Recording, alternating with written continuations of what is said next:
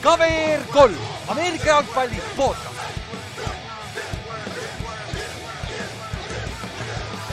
tere tulemast kuulama KVR3 Ameerika jalgpalli podcasti, minu nimi ei ole Ülar, minu nimi on Kallaste, aga Ülar on siin, meil on sihuke veider logistiline lahendus, tšau Ülar. Jou, ma ei tea, ma ei oska rohkem midagi öelda, ma olen tavaliselt, ma ütlen selle teise alguse ära, siis mul, siis niikaua kuni, kuni te midagi ütlete, siis ma saan mõelda, mis ma edasi ütlen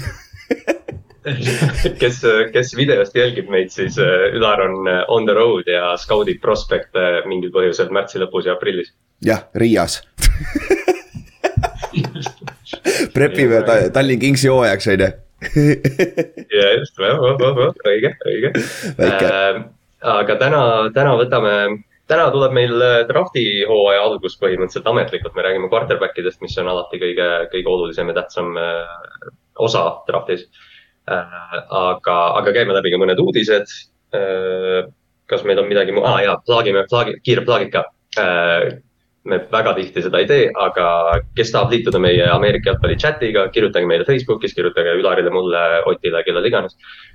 lisame teid ja siis teine asi veel, draft on aprilli lõpus, see on aprilli mingi viimane neljapäev vastu reedet siis öösel et äh, mina, mina plaanin vaadata seda, Pavel on siin äh, huvi avaldanud, et kui keegi veel on, siis hakkame nüüd vaikselt planeerima, et mina olen in igatahes. et Ülar on, Ülar on. Äh, ma olen veits eemal, aga, aga ma vaatan samamoodi et. just, võtame ühendusse. jah, ja mis ma veel, aa, subscribe ige follow ge, pange like kõikidele postitustele, mis iganes sotsiaalplatvormil, see aitab ka meid kaasa, meil on juba nelikümmend üks subscriber'it Youtube'is täitsa õige, ei, aga no see kommuun on nii vinge, sest, sest eh, noh, ma räägin, see on ju see, mille pärast me teeme ka, et, et noh. et need inimesed, kellega me siin räägime ja eriti off-season'is, kus me kutsume inimesi podcast'i kaasa ka, et, et noh, see, see off-season tuleb tihtipeale meil kõige sellisem toredam aeg. Äh, aga, aga jah lähme siis kiirelt, käime need viimased, äh, ütleme, free agency veel kestab. Või see mängijate liikumine nagu, nagu ajalehtede esilehelt võid lugeda, isegi ERR Spordist sai lugeda natukene NFL-i free agency kohta.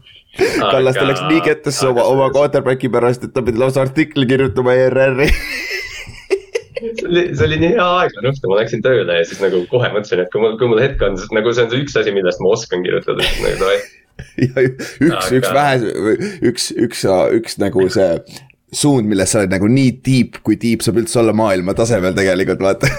Nagu reaalselt, et ma kirjutasin selle asja valmis ja ma nagu ja siis hakkasin fact check ima, ma panin kõik peast ja siis hakkasin vaatama, et mingi kaks asja muutsin ära, et aa okei okay,, jaa, õige ei, see oli päris mingi, mingi, mingi lugu, lugege, ma panin selle meie Facebooki page'ile ka, et leiate selle lingi üles, aga noh, kui see ERR-i, ma pulli pärast Google, ma läksin Postimehesse, vist panin NFL-i otsingusse seal ei olnud üldse NFL-i uudiseid, käisin Delfis, polnud üldse, ERR-is oli siis Kallaste omal esimene e, ERR on tegelikult isegi päris stabiilselt äh, superbowli kajastas ka, isegi tegelikult. jah äh,, jah, täpselt isegi raadios ja, ja shout out Hendrikule ka, kes, kes mu kolleeg on, kes on, kes on ka, vaatame, mis me, kas saame temaga kunagi podcast ida, haibib sinuga Giantsit igatahes no,. aga aga jõuame NFL-i juurde siis äh, mõned signing ud, äh, kolm püüdjat liikusid, DJ Shark läks lõpuks vabaagendi turult, ta läks Carolinasse.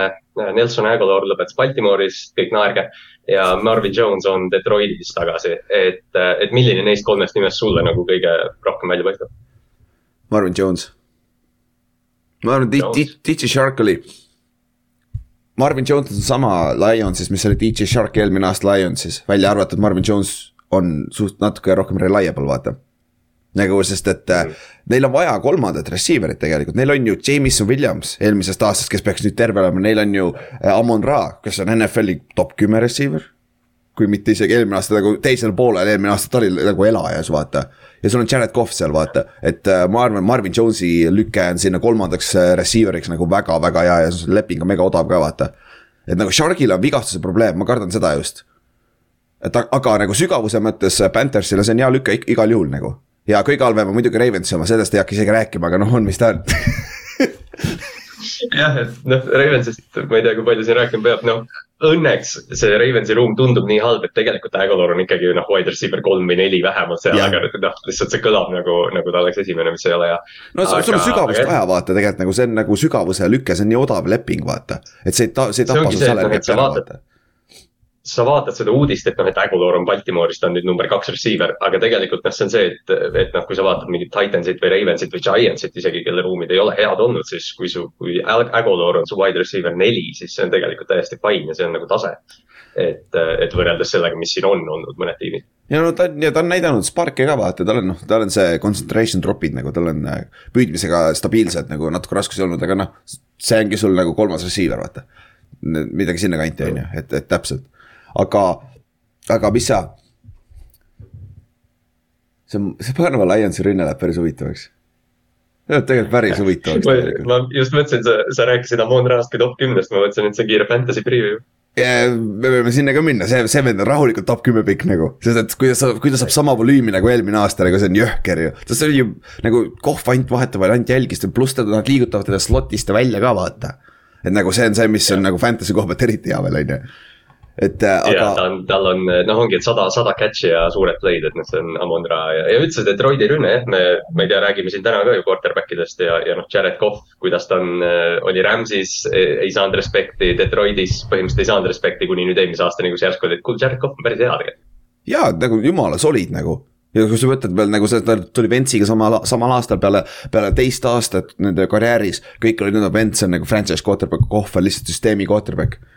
Kohv on siiamaani süsteemi quarterback, Vents pole enam isegi starter NFL-is nagu, nagu naljakas ju tegelikult vaata, kuidas see toimub, on ju. no vahel, vahel lihtsalt drafti, drafti minnes on nagu hea seda meeles pidada, vaata, et, et noh, need mängijad vahel võtavad aega ja, ja eriti kui me räägime quarterback idest, see on see, et number üks pikk ta peab nüüd tulema, aga no vahel see võtab kolm-neli aastat isegi rohkem ja ka tihtipeale ei anta äh, seda aega, mis on karb, kurb vaata, see on NFL, aga noh, me räägime sellest Just, täna natuke ongi. ka veel lõpus, on ju. me kohe jõuame sinna kuna Ravens korra jutuks tuli, siis võtame kohe Calais Campbell läks äh, Atlantasse.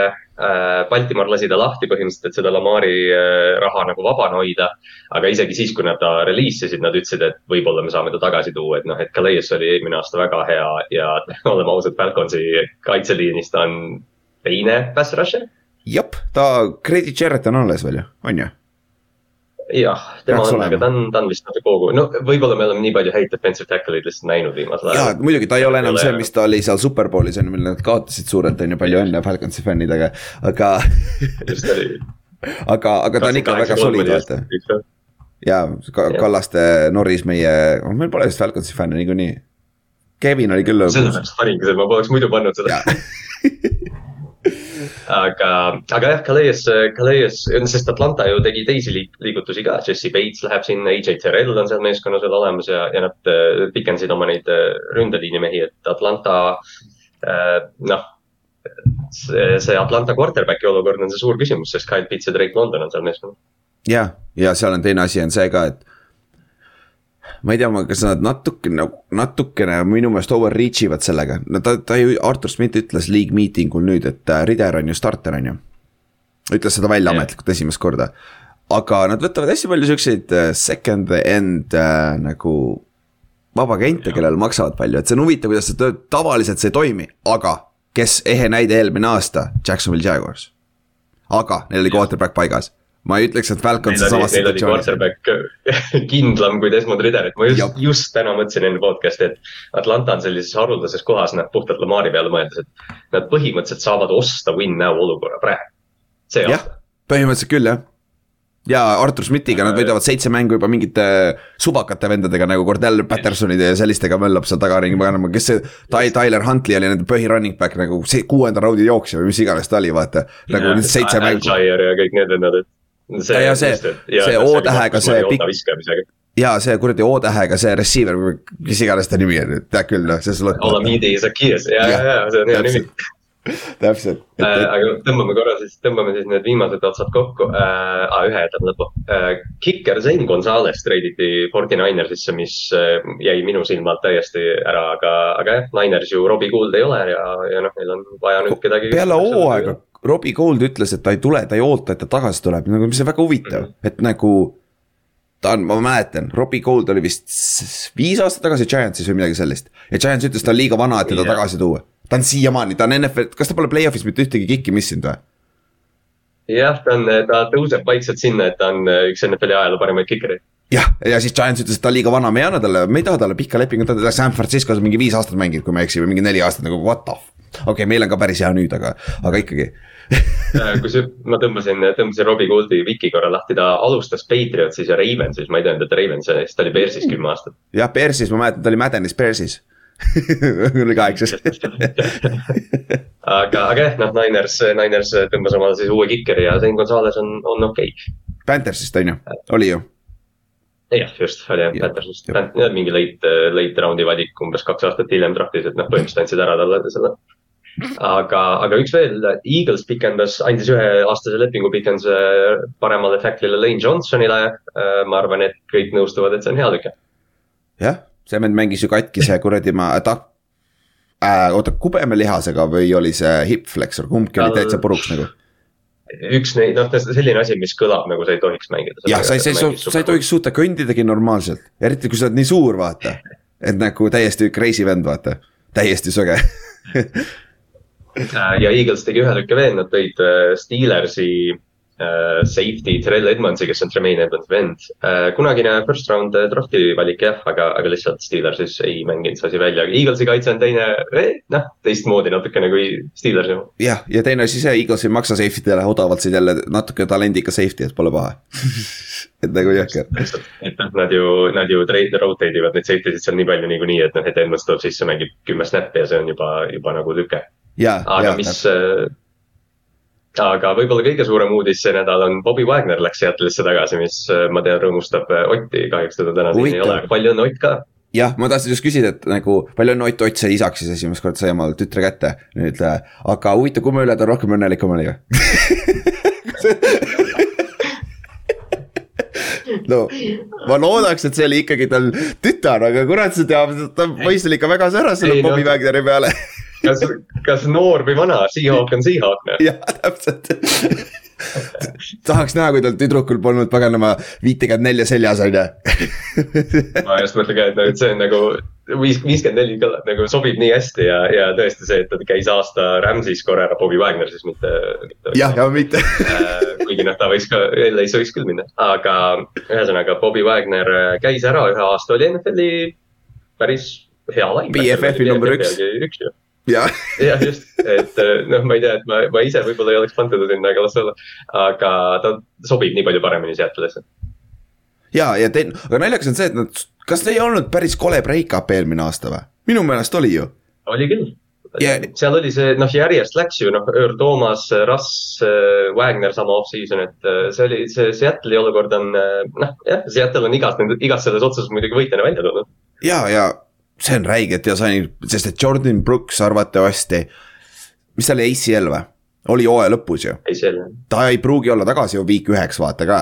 et neil on nagu, nüüd on vähemalt üks corner'ist on olemas ja niikuinii Jordan Brooks, nad üritavad pikas perspektiivis ta võtab üle. aga Bobby, kui ta on nõus veel mängima nende üks, üheaastaste lepingutega, ta võib veel mitu aastat olla Seahawksis jah, sest Cody Barton eelmine aasta ju oli siis nagu Jordan Brooksi kaaslane samamoodi nagu Brooks oli Wagnerile, aga, aga noh, selgelt Wagner, et noh, kui Brooks tõsta tagasi number kahe peale, siis noh, su linebackeri ruumi tase tõuseb selle võrra nii palju, et noh, Wagner on tark lüke. ja, ja on, on, on, on, jah Äh, mõned nimed, kellel siin veel silma peal hoida, lihtsalt välja tuua, DeAndre Hopkins, Jonah Williams, Jerry Judy, Rogers loomulikult, Austin Eckler, Kevin Byard, Cortland Sutton ja siis loomulikult Lamar Jackson on kõik nimed, kes võivad veel siin liikuda ühel või teisel moel. Äh, väidetavalt.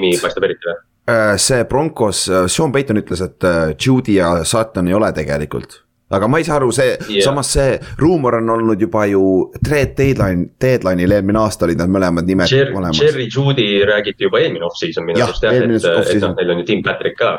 et see Denveri, Denveri, noh, see, seal on nagu see asi, et äh, noh, Maddenis, kui sul on Jerry Judy, Sutton ja Tim Patrick, siis see on räme kõva, aga kui sa vaatad nagu lepingute struktuure, NFL-i tiimi ehitust, siis need kolm receiver'it võib-olla natuke liiga palju ikkagi.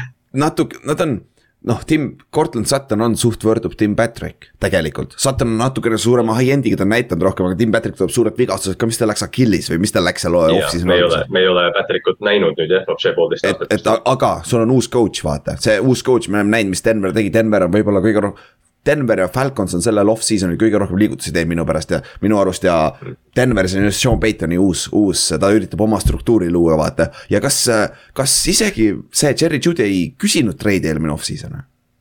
Äh, Jerry on jah, vist küsis ja ta on samamoodi kaks aastat juba noh rääkinud. jah, täpselt, et, et seda ma ei imestaks, on ju, aga mis sa arvad Ekleri situatsioonist?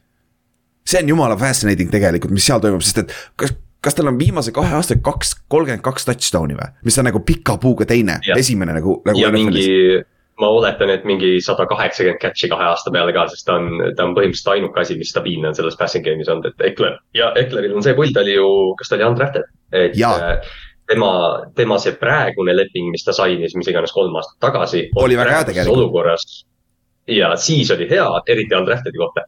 Praegu, kui ta vaatab turgu, ta mõtleb, oota, me oleme, ma olen NFL-i kõige parem running back viimast kolm aastat olnud, et makske mulle rohkem selle eest nüüd ja, ja tal ongi, kui ma vaatan, see aasta tal base salary on äh, kuus äh, milli see on kõige kõrgem, mis tal on, aga kuus milli. sa võid teha argumendi, et tal oh., ta efekt on vähemalt Christian McCaffrey efekt, kui mitte suurem tegelikult. just. ja McCaffrey saab kuusteist, kui ma ei eksi või nagu...? või midagi taolist. just. Et noh, sa ei saa mulle öelda, et oh, noh, Christian Kirk respekt, aga nagu Ekler ja Christian Kirk on väga võrreldava produktsiooniga, ma ütleks, et Ekler on natukene tõhusam isegi. ja ta on kakskümmend kaheksa alles ta on kakskümmend kaheksa ja ta, noh, okei okay,, ta on, ta on ju, tema on ju vaata selgelt välja öelnud, ta on siuke naljakas mängija, sest ta ju mängib ise fantasy football'i ja ta on öelnud, et ta, noh, ta on rääkinud sellest snap count'ist ja sellest, et ta ei taha nii palju tegelikult mängida. ja Chargers pole suutnud tema ümber nagu seda teist venda eriti tuua. Et, et kes siis ei ole kuulnud jah, Hekler küsis või noh, Vapše avalikult ütles, et ta tahab treidi saada äh, Chargersist, mis ei tundunud üldse nagu reaalsus enne paari nädalat tagasi. ja Chargers Aga... ütles, lubas ka talle, ütles, et mine otsi aga, aga see tundub olevat selline situatsioon, et kui keegi pakub talle mingit suuremat lepingut või mingit treidi.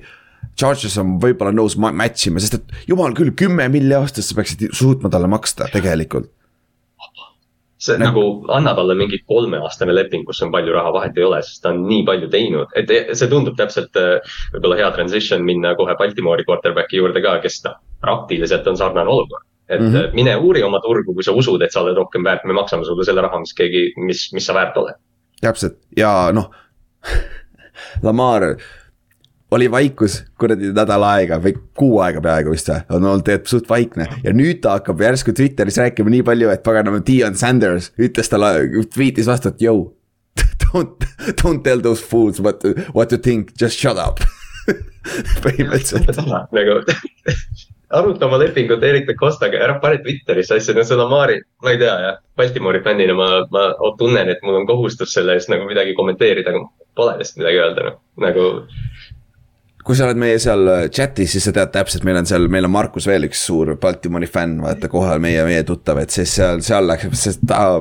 ta, ta, ta kirjutab liiga pikalt, ma ei viitsi kõike lugedagi, mis ta kirjutab Jakobson kirjutab nii pikalt, et ma teen ka tihti selle, et ma, ma vaatan seda ja siis ma, ah sõna, oota, ma tulen tagasi selle juurde ja siis jõuad mingi pool tundi hiljem, siis okei okay,, ma nüüd loen selle läbi. ja noh, täpselt kui tõesti kui varem pole chati jaoks suuremat motivaatorit olnud, siis äh, Jakob soovitas selle Ravensi olukorra nii hästi tegelikult kokku, just fänni perspektiivi pealt.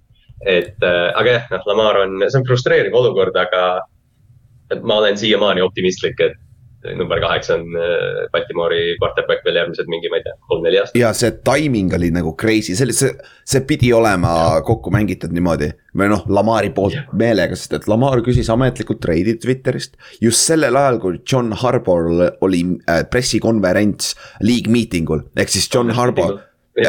Väidetavalt, nad teadsid juba, Ravens väidetavalt teadis juba teisest märtsist saadik oli, ta küsis, on ju, aga La. Lamar ütles, et ta küsis teisel, teisel märtsil, mis oli paar päeva enne seda non-exclusive tag'i.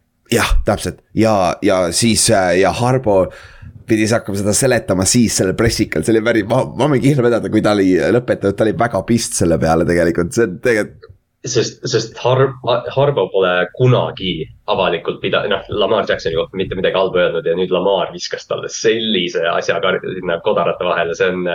noh, see asi läheb koledaks ja, või noh, aina koledamaks, see niikuinii on juba ja Aga... ma ei imesta, kui see läheb sinna hold out'ini, see läheb kuhu iganes aga raha kantaku, tavaliselt äh, silub kõik need äh, probleemid ära ikka, kui paned palpatakat juurde, ütleb okei okay,, enam ma ei ole kuri su peale ja, ja nagu sa ütlesid ka, vaata Lamarist on nii palju vaikust olnud ja nüüd järsku ta pommitab Twitteris asju, kas see nagu noh, teistpidi sa võid vaadata, et kas ta on meeleheitlik. ja, ja, ja ta pole saanud seda lepingut ja see turg on täiesti kokku varisenud. tundub küll. New England välja.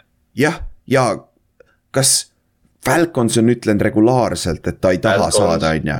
Mhm. kes, kes on äh, veel? Pete Carroll ütles league meeting ul, ütles otse välja, et, et Lamar, et nad ei arvanud, et ta vaba on ja ta on liiga kallis. Pete Carroll ütles nii. ja, aga tead, mis on nagu huvitav, nagu, sest et kui sa mõtled, lähme tagasi eelmisesse aastasse, kui oli Deshaun Watsoni see bidding. Falcons oli kohe sees seal oli Commanders oli siis Panthers olid kohe sees, vaata.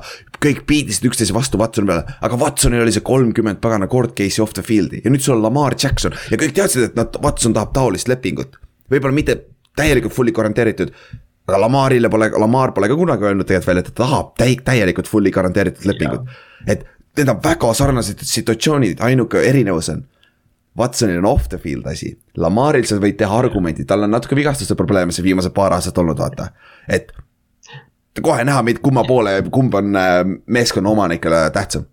Off the field, we can, we can brush it under, under the fucking rug. me saame sellega hakkama, peaasi, et see kuusteist mängu või seitseteist mängu väljakul olla, et see on, see on äh, nii nagu noh, selles mõttes natuke nagu kole pilk profisporti vaata, et noh, et Sean Watsoni olukord on, mis ta on, me oleme sellest siin natukene rääkinud varem ka. natukene Aga..., natukene natukene, terve eelmise aasta, et, et noh, Lamar Jackson on äh, kunagine MVP ja see ongi naljakas, et nüüd see diskursus on läinud selle peale, et noh, et kas Lamar oskab visata, see läks tagasi sinna, kus me olime draft'i ajal. Lamar Jackson oskab visata, kohe kui keegi ütleb, et kas noh, ma ei tea, et kas Jackson tead, kui ohtlik ta käega on, ma saan kohe aru, et see inimene pole kolm aastat Baltimori mänge vaadanud. sest noh, Lamar Jackson reaalselt minu jaoks on mingi top kaksteist viskaja NFL-is ikka ära, pluss ta on see, et ta on üks ajaloo paremaid jooksjaid, et, et noh Lamari olukord, eh, noh, me kõik teame, kes Lamar Jackson on, kes ei ole mõnda aega tema highlight'e või asju vaadanud, lihtsalt vaadake ja nautige, et, eh, et noh, jah, Baltimori fännid kindlasti loodavad, et ta on tagasi eh, mõistliku raha juures, aga, aga noh, minu jaoks makske talle mis iganes ta väärt on, sest jah, number kaheksa. ja see on, äh, aga ma arvan, millal see asi hakkab hoogu võtma, on peale draft'i, puhtalt sellepärast, et praegu ei tundu olevat ükski meeskond meeleheitel, aga peale draft'i need meeskonnad, me jõuame selle juurde, kellel on quarterback'e see aasta vaja, neist jääb keegi ilma. Neist jääb keegi ilma ja vaatame, kui desperate nad siis on, vaatan. Indianapolis Colts on hea näide, sest nad on neljas pikk. Nad ei saa esimest kahte quarterback'i. CJ Stroud ja Price Young on üle minu, meie arust, mõlema arust on ju, ta on, nad, nad on esimene, tier one on ju. ja siis on see veid, väike langem, okei okay., jah aga kas, kui nad jäävad ilma, kas siis nad on valmis tegema jälle seda lüket, on ju, treidimise mõttes, on ju, või siis, või siis Lamar, Lamar teeb Watsonit järgi lõpuks, ütleb, ta ei mängi lihtsalt, mis iganes, vaata, et yeah.. Hold, lihtsalt hold out ja, ja ma ei mängi, sest noh, vaata selle, see non-exclusive olukord on ka nii keeruline, sest kui sa praegu Lamarile pakkumise teed, siis sa pead andma Baltimorile kaks first round pick'i, Colts vaevalt tahab number neli pick'i temast, aga noh. samas ma arvan, et Colts on see üks meeskond, kellega Ravens mõtleks, et aa, number neli pikk, davai, teeme ära, suva täpselt, see on koht, kus sa saad, kes see ütles, kas see oli Kaarel või Kevin või keegi ütles, et nagu Raven saaks teoreetiliselt võtta kohe Anthony Richardsoni asemele ja sul on ju Tyler Hunti yeah. olemas tegelikult, kellega sa suudad võita enam-vähem küll, vaata. et nagu ja lasta, las Richardson olla seal. sa ei, sa ei kaota nii palju, kui, kui noh, Richardson peaks mängu vahele jätma, et noh, et ütleme Täpselt. nii, et kui, kui Lamar Jackson ei ole Raven, siis jah, Anthony Richardson on iseenesest päris hea transition järgmisesse põlvkonda. ei ole üldse paha jah sa oled nagu, reaalselt Richardson on hullem hullem, oota viimane asi, äh, ta on hullem Mike Vick kui Lamar Jackson nagu, sest et nagu see atleet on jõhker nagu. okei okay,, davai. ma, ma eile õhtul vaatasin Richardsoni ja mul on, mul on teike tema kohta, aga jõuame, käime korra läbi me käime need league meeting'u suuremad uudised. aa, oota üks asi veel, oota, oota. äh,, jah. Tennessee's on väidetavalt fire sale ja Kevin Byard on väidetavalt ava- uh, available, safety, free safety, sa võid teha argumendid, on NFL-i kõige parem free safety tegelikult, et see on üks, üks koht, safety del ei taheta maksta aga kui sa tahad playmaker'it secondary'sse, kui ta on olemas. see võib, me võime näha Titansist hästi palju mängijaid draft'i päeval liikumas. vaat see on üks asi, mille silma peal hoida, sest et tundub, et. pikkide vastu äh, see on hea, et sa selle meelde tuletasid, sest äh, Titansi general manager ütles päris nagu äh, jõudsalt välja, et Erik Henry ei liigu. et äh, tema on see üks vend vist, noh, Jeffrey Simmons on ka, ma arvan, sihuke küsimärk, et kui sa küsid, siis võib-olla ta, võib-olla ta on äh, turul ja võib-olla, et nagu see on jah huvitav, mis seal toimub. aga jah, davai, lähme edasi. jah äh,, mul oli ah,, Cortland Sutton ja T Higgins on sama, sarnased mängijad, aga ma jätan selle tegi järgmiseks korraks äh,. League meeting ult suur, mõned uudised, inimesed, kellele ei meeldi need ühekohalised numbrid mängijatel, siis rõõmustage nüüd, number null on ka nüüd saadaval. järgmine aasta tuleb double null ka või On null, Gilbert Arenas ja Calvin Ridley on number nullid, aga Maika Parsons näiteks äh, Twitteris avaldas huvi, Rashad Bateman oli kolledžis number null, et äh,. ma ei tea, mulle isiklikult need ühekohalised numbrid natukene meeldivad, aga null uh null on imelik, null on sihuke asi, vaata, kui sa, kui sa mängid sitasti, oi, sealt on väga palju lihtlasid norida, on ju. aga, aga tead, mis reegel NFL-is on või? kui sa muudad oma numbrit samas meeskonnas sa pead vist maksma selle vahe kinni, palju maks-, palju on sinu praeguseid särke müügil või mingi äh, sihuke jama. seal oli vist see, et kui ma, kui ma nüüd ütlen, et ma tahan järgmine aasta olla null, siis ja. ma pean ostma oma praegused särgid välja, kui ma ütlen nüüd, et ma järgmine aasta tahan null olla, siis ma ei pea maksma selle eest. jah, okei okay,, jah, see on loogilisem jah, sest et nagu ja Ridley'l on see, lihtne, tal on uus meeskond, vaata. jah täpselt. just, et Dervin James minu arust ostis, ostis särgid välja, kui ma ei eksi, tema oli üks neist mängijatest ja keegi veel, et ta tahtis. ja Dalvin Cook jättis aasta vahele, ta tegi aasta ja. hiljem seda vaata, sest et ta ei tahtnud maksta, kui ma ei eksi, Dalvin Cookile vist kolm miljonit pidi maksma või midagi sellist ja tal oli retsit raha ja seal, et noh, kui sa oled suur mängija, kelle bränd on see tema number, siis noh, selgelt su, sa pead särkide eest ka maksma. mis sa arvad, mis Brady oleks, kui näiteks Brady oleks tahtnud olla üheksakümmend üheksa? Nagu, nagu ta oleks pidanud maksma miljardit vist nagu. See oli vist Kruupsis oli see tseen, kus, kus Türk sai lapse ja siis see haigla ülem tuli, andis talle palgatšeki ja siis ütles, nüüd anna see mulle tagasi. Brady oleks pidanud täpselt samamoodi New Englandis tegema aga nagu, aga teine reegel, mis muutus ka seoses numbritega, kikerid võivad nüüd kanda neid kuradi üheksakümnest kuni üheksakümne üheksani numbreid, mis on minu meelest nii freaking väärjas. sa näed kikerid, esiteks üheksakümmend kuni üheksakümmend üheksa on kaitseliini number, kes on kaitseliini vennad, nad on idioodid, nad teevad paganama mushroom'e koos Adderalliga, teevad, mängivad kaitseliinis, nad on idioodid. Jerome Hendersonil tuleb pitch läppida enne mängu mingi kolm korda, et see vend saaks veremaigu suhu ees mängida. Ja siis on mingi, mingi pisikene, kleenukene, valge üheksakümmend kaheksa number kiker nagu what the fuck nagu see ei lähe üldse, see on kolledži reegel. reaalselt, kolledžis on punterid ja kikerid tihtipeale üheksakümmend ja kui ma neid näen, siis ma ei draftiks neid. nagu sõna otseses mõttes ma ei drafti seda venda, tal on nii vähe swag'i. jah, see, see on nagu väga naljakas, aga jällegi see on väga huvitav, ma pole vist siin rääkinud seda, mul oli äh,, meil oli äh, Rowanis oli, meil tuli äh, Jackson State'ist äh,. see, kui, kui enne, kui ta mängis Jackson State'is Division ühes oli kaitseliini mängija, jumala, jumala chill vend oli meil. ja aga kui Dion tuli Jackson State'ist, ta lasi, võttis tal scholarship'i ära, vaata. tõi oma vennad sisse nagu Dion teeb, on ju, mis on tavaline peatreeneri vahetusega. see tuli tagasi Glassborosse, ta on Glassborost oli pärit, siis tuli Rowanisse Division kolme mängima. kui ta oli suure hullu baggage'iga, vaata Division one guy tuleb meile mängima, on ju. saad sa aru, ma ei tea, kas nad tegid seda meelega või see lihtsalt kokku sattunud, nad andsid talle seitsekümmend üheksa numbrit nagu mingid freshman'id said üheksakümnega numbreid ja siis meie kõige, kõige suurem transfer see off-season sai seitsekümmend üheksa numbrit, saad sa aru, vend oli pisarates, kui me Media Day'l saime särgid kätte. vend oli nutnud, ta ei pannud särki selgagi, kui me läksime sinna kuradi staadionile, läksime seda meeskonna pilti tegema, tal ei olnud särki seljaski lõpus, enne pildi paigal pani selga, vaata. Nagu ta oli nagu nii pettunud, see on nii naljakas. see on räpane ma saan aru, see on rõve number, aga nagu jumal küll nagu nii solvunud selle peale olla kohe nagu kas nagu. sest minul oli, mul oli kunagi Kossu ajal, kui me mängisime, siis me saime ka uued vormid, aga need, ma sain kuidagi hiljem selle vormi kätte niimoodi, et enamus numbreid oli jälle välja jagatud, siis ma mängisin Kossu tagamängijana number üheksakümmend kaheksa, sest ma lihtsalt olin nii pahane, et ma võtsin kõige koledama numbri, mis meil oli. okei okay., Ott on kõige imelikum vend üldse, mäng mängis seitsmekümne kolmega või seitsekümmend seitse, kumb tal oli? seitsekümmend üks vist. seitsekümmend üks, jah, seitsekümmend üks, sorry, jaa ja seitsekümmend üks. Ja see nagu Kossus esiteks seitsekümmend üks, kes kurat kannab seitsekümmend üks numbrit on ju, siis ta mängis, ta mängis ju footi ka vaata seitsekümmend üks numbriga Tartu Titansi eest, aga siis. ja mingi aeg tuli järsku probleem ette, kus on ründeliini number tegelikult ja sa ei tohi mängida sellega. Ta mängib safety't ja receiver'it number seitsekümmend üks, see oli nii haige ainuke vend, kes ei tule väljakult ära, number seitsekümmend üks, oota, kas see on ründeliini vend või nagu. jaa, see on hea point, sest need tüübid on tavaliselt mingi Jalen Ramsey number viis ja kõik sellised, siis on Ott Selli number seitsekümmend üks. lõpuks me andsime talle kaheksakümmend kaks vist või, sest et siis, äh, sest kohtunikud hakkasid reaalselt mölisema, vaata, sa ei saa olla eligible, vaata seitsmekümne ühega no see sobib rohkem. ja äh,, aga päris hea ränd oli jah, siuksed on mängunumbrid, usu, igal pool on probleeme nendega. no selgelt on off-season, aga ja mis meil veel league meeting ult, see on see Thursday night flex nüüd, ma väga täpselt ei tea, see oli hooaja lõpus, et nad saavad vahetada neid Thursday night mänge, eks ju. ei saanud, ei Thursday night ei saa, nad saavad Sunday night'e flex ida. või jah, Sunday night'e jah. jah, aga see vist kaks nädalat pead teada andma või mingi sihuke mingi kaksteist päeva või midagi sellist peab ette andma. seal oli, ühes, noh, see, see kõlab selline asi täpselt, et noh, NFL tahaks, et see läbi läheks, et seal oli siis mingi Amazoni connection, et Amazonil olid nii halvad mängud see aasta ja nad tahavad paremaid. aga mis minu arust oli hästi lahe ja, ja Greg Rosenthal Aroundi NFL-ist ütles ka seda hästi, et.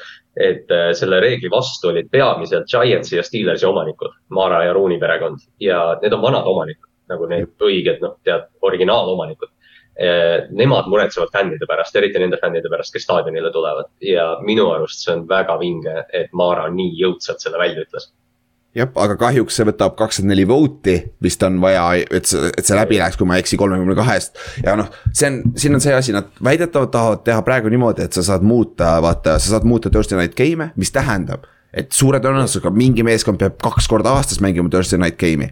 Praegu on ainuke nagu, ainuke juhus, kui sa hetkel mängid Thursday night'i kaks korda aastas, kui, kui sul on week üks mäng, vaata. oo, esimene mäng on Thursday night, vaata Pils mängis eelmine aasta kaks Thursday night'i minu meelest. sest et week one on Thursday night, aga keda huvitab week one, sul on extra week tegelikult, vaata sul prep ida on rohkem aega, vaata. sa tuled, sul on, sul on kuus kuud aega puhata, eks ju, ja see Thursday night'i küsimus on ju see taastumine täpselt ja, aga fännide pool on hea punkt, sest et nagu saad sa aru, kui, kui sa oled season ticket holder näiteks. joo, tead, et Green Bay Backersi season ticket holder on mingi kakskümmend kaheksa aastat või. Mingi vend tweetis, ma nägin tweet'i kuskil. tweetis, et oh, ma olen kakskümmend kaheksa aastat, oodan, ma sain lõpuks season ticket holder'i, what the fuck. ootejärjekorrad on, noh, sest, sest see on ju põhimõtteliselt see, staadion mahutab mingi seitsekümmend tuhat inimest, seal on võib-olla sada kümme tuhat linnas umbes ju. ja, ja täpselt nagu jumala haige tegelikult, aga, aga. keegi see... ei anna ära seda, need on mu vanaisa piletid, ja, aga vaata, see muudab, kui sa oled tavaline tööinimene sul on season ticket'id, püüad pühapäeval footi vaadata, võib-olla mõnikord esmaspäeval. aga siis on hullult hea mäng tulemas, näiteks Giants mängib Eaglesiga, me oleme järgmine aasta mõlemad head Giants. suurem probleem on Giants arvatavasti, et kas järgmine, järgmine aasta Giants on hea, on ju. aga, aga näiteks meil on muidu Sunday night one PM game ja nüüd on, muudavad selle Thursday night'i peale. Traveling on ju täiesti tuks, eriti kui sa tuled välja, näiteks see on suur mäng on ju, sa tahad näha, sa tuled mujalt yeah. osariigist. nagu see on, keerab kõik tuksi, vaata tegelikult, et, et see, ma saan aru, miks see on ja pluss ärme hakka rääkima sellest, et kui sa pead ka aastas kaks Thursday night football'i mängima, nagu mängijana mm -hmm. ja kõik see jama.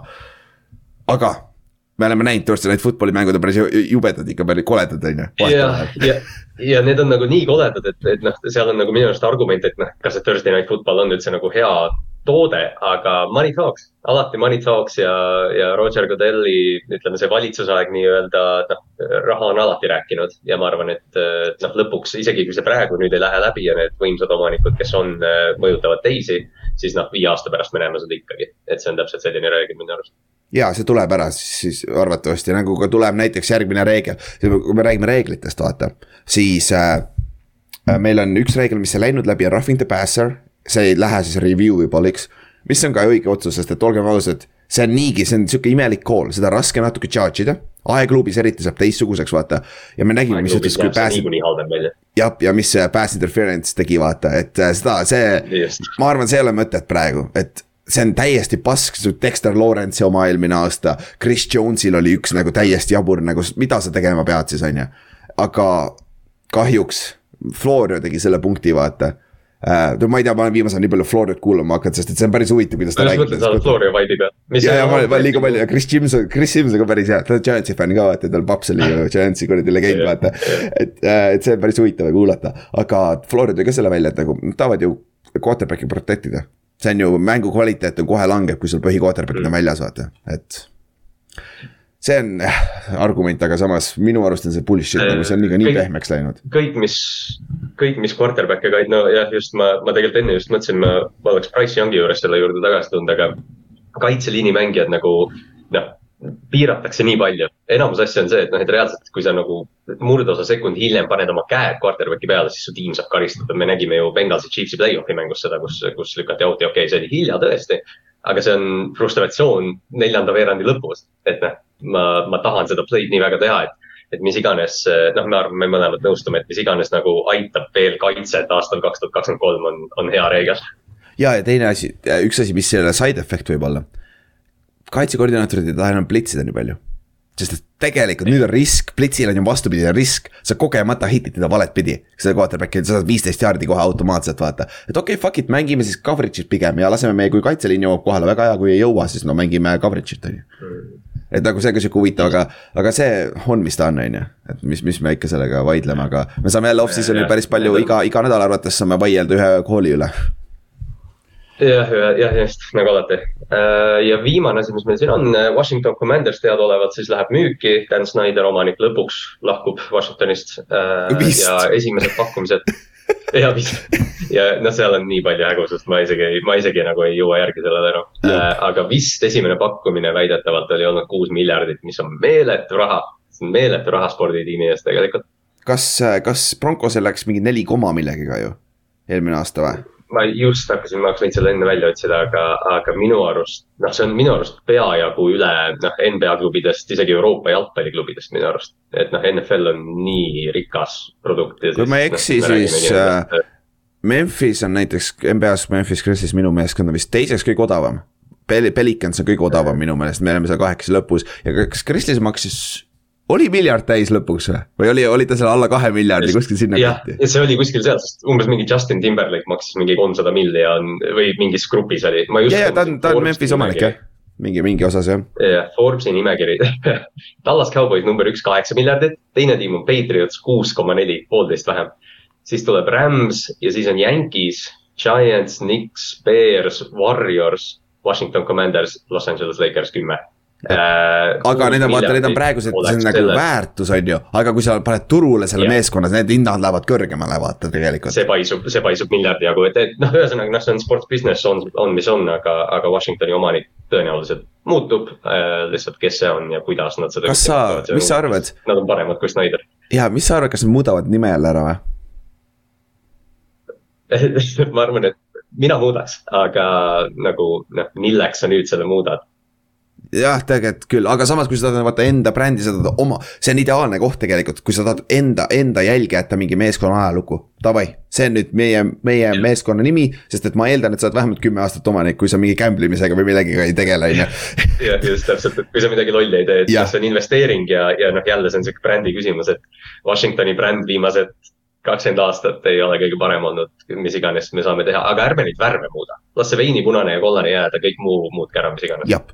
Ausalt öeldes minu, võib-olla see oleks huvitav asi testida, kas Redskins oleks nüüd natukene okeim tagasi tuua või? ma arvan, et seda ei juhtuks, aga ma arvan, et nagu see, nagu sellel argumendil natuke on jalgu küll, sest no ma ei tea, no football, okei okay,, football tiimist me rääkisime ka ja see on nagu, ma ei tea, Liverpool FC. aga lihtsalt Ameerika spordis see nagu ei sobi ja Commanders ja. on nii generic. midagi võiks lahedamat olla, aga ma ei tea, mis see on jah, aga noh, ega need teised variandid ka ausalt öeldes, mis nad siin välja pakkusid, vaata, väidetavalt, et need ei olnud ka väga head, et. ega ta, see ei ole lihtne asi tegelikult teha, vaata, kui sa oled olnud pea sada aastat pagana Redskins, vaata, mida sa teed siis, on ju.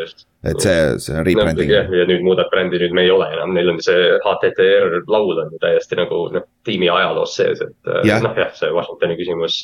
aga tead, mis mulle meeldib või? Washingtoni fänni see aasta ka vaata, CFL pidi ka hästi palju muutma neid, sest et seal on ka hästi palju siukseid vendasid. Edmonton Eskimos oli enne, nüüd on Edmonton Elks, ma ei tea, miks, aga mulle räigelt meeldib see nimi, see on ju räigelt lahe nagu räigelt lahe jah. aa, ma ei teadnudki, et nad muutsid selle. ja, ja nad muutsid ära selle jah see mul, mul äh, täditütar elab seal, siis ta rääkis ka mulle sellest, nad käivad vahetevahel CFL-i vaatamas, see on naljakas. Edmonton Elks on päris tore tõesti, täpselt sihuke põhjamaine ka. ja ongi täpselt, läheb jumala hästi nagu Kanadaga kokku nagu rusikas silmaauku raisk. jah, täiesti kahju, et mingi maple siirup ei ole või midagi siis sa saad hakata magama selle stickiness'iga saad hakata kommentaatorina saad mängima hakata ja kõikide selliste asjadega vaata. jaa, täiega hea jah. Nad peavad, nad peavad meid kuskile front office'is panema. jah. Aa, rääkides front office itest, siis äh, liigumegi edasi, äh, siis tänase, tänase liha juurde hakkame draft'i lõpuks nüüd positsioonide kaupa võtma, nagu me iga aasta seda teeme. käime korra, käime korra selle järjekorra lihtsalt üle, kuna, kuna siin Carolina natukene segas seda kaardipakki. Carolina number üks pikk, Chicago liikus number üheksaks. Houston, ma loen järjest. Carolina, Houston, Arizona, Indianapolis, Seattle, Detroit, Las Vegas, Atlanta, Chicago ja Philadelphia on top kümme. ja siis tuleb sealt Tennessee, Houston, äh, New York Jets, New England, Green Bay, Washington, Pittsburgh, Detroit ja siis tulevad play-off'i meeskonnad. loomulikult Philadelphia ja Kansas City on viimased vastavalt Äh, tasub meeles pidada, et kakskümmend, pikk number kakskümmend üks, siis see aasta Miami pikk äh, jääb ära. Äh, esimeses raundis on kolmkümmend üks pikki, kuna kes mäletab, siis aasta või kaks tagasi suvel Miami omanikud kutsusid Sean Paytoni ja Tom Brady randa jahiga sõitma ja siis noh, ma ei tea, millest nad seal rääkida võisid. Ei taha teada jah, väidetavalt kõik kulujutud olid jah, teate küll neid, kus Brady pidi quarterback'iks tulema ja Sean Payton pidi tulema peatreeneriks, kuigi mõlemad, mõlemad vennad olid contract'i all, vaata et nagu seal väike tämper. Mõlemad olemas noh, äh, ja noh, kuna me täna räägime quarterback idest, siis nagu sa enne mainisid, siis Stroud ja Young tõenäoliselt on üks ja kaks ehk siis Carolina ja Houston äh,. siin top kümnes on Indianapolis, Seattle, Detroit, Las Vegas, Atlanta kõik tegelikult võivad põhimõtteliselt võtta quarterback'i, miks mitte isegi Arizona, kui nad Tylerist tahavad lahti öelda, aga see number kolm pikk tundub minu arust see, mis võib veel liikuda. jah, kui vaata nüüd on see, kes me, kas teil on kõikidel suurtel on äh, pro day'd ära ka olnud, on ju, Richardsonil oli eile pro day ära siis äh, CJ Stroudil oli eelmine, eelmine nädal, Price Youngil oli kohe peale CJ Stroudi, siis oli Will Levisel oli. Will Levisel on hull kuradi body transformation'i pildid igal pool üleval ja värki ja yeah. päris hea ajas on küll ja siis DK Metcalf tweetis vastu. You are selected for a BD testing be, be there at that time kohe, kohe Levisega, noh Levise juurde me jõuame ka, aga tema, temaga on igast toredaid lugusid ka, aga, aga jah, kui sa nüüd täna peaksid ütlema, kolmkümmend üks märts me lindistame, draft on kuu aja pärast, mitu quarterback'i läheb eh, top kümnes? kuna siin on nii palju vaata desperate meeskondi, samas ma arvan tead, miks, ma arvan, läheb ikkagi neli ära ja need kaks, no esimesed kaks, sellest me rääkisime, meil on Price Young Alabamast, meil on CC Shroud uh, Ohio State'ist. ja esimesel kahel meeskonnal on quarterback'i vaja ilmselgelt nagu sada prossa on vaja quarterback'i ja need on kaks quarterback'i, kellel on oma tugevused, nõrkused, millest räägime ka natuke. Nad lähevad esimesed kaks ära, aga meil on meeskonnad nagu Colts, kellel on quarterback'i vaja. aga neil on vaja starterit, ma ei tea, kas nad tahavad Richardsoni või paganama Levisega minna seal. aga sul on siuksed meeskonnad nagu Seattle, Detroit Las Vegas, Atlanta, kus on tehniliselt olemas quarterback, aga sul on ka väga-väga hea situatsioon, kus sul on äh, breach quarterback olemas tegelikult.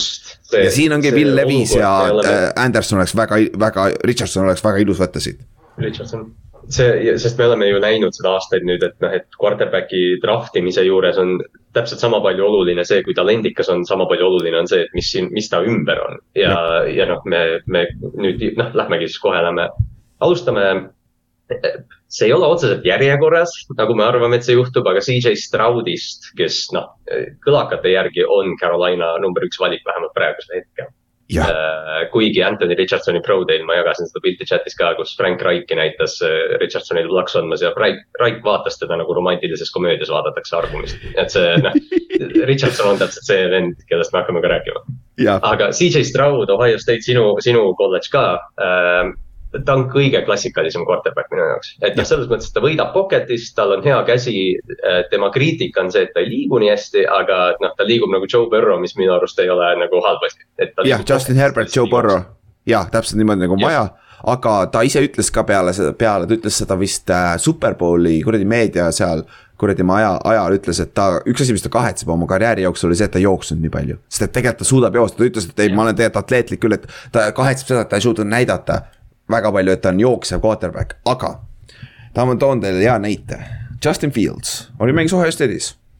vend on NFL-i kõige parem jooksev quarterback, sorry, Lamar, hetkel, hetkel on see nagu see, see efekt on. jah, aga ma vaatasin suurem osa ta mänge Ohio State'is ta ei olnud sihuke jooksja nagu, nagu isegi mitte close ta ei olnud sihuke jooksja, okei okay,, sul olid receiver'id ka, pagan, sul on first, first round receiver'id igal pool, need on wide open, lihtne visata. Justin Fields ei olnud sihuke explosive jooksja. võib-olla skeem on ka erinev, sest et Ryan Day ja Ohio State'i ründe üks väga suur nagu boonus NFL-i mõttes on, see on pro style offense.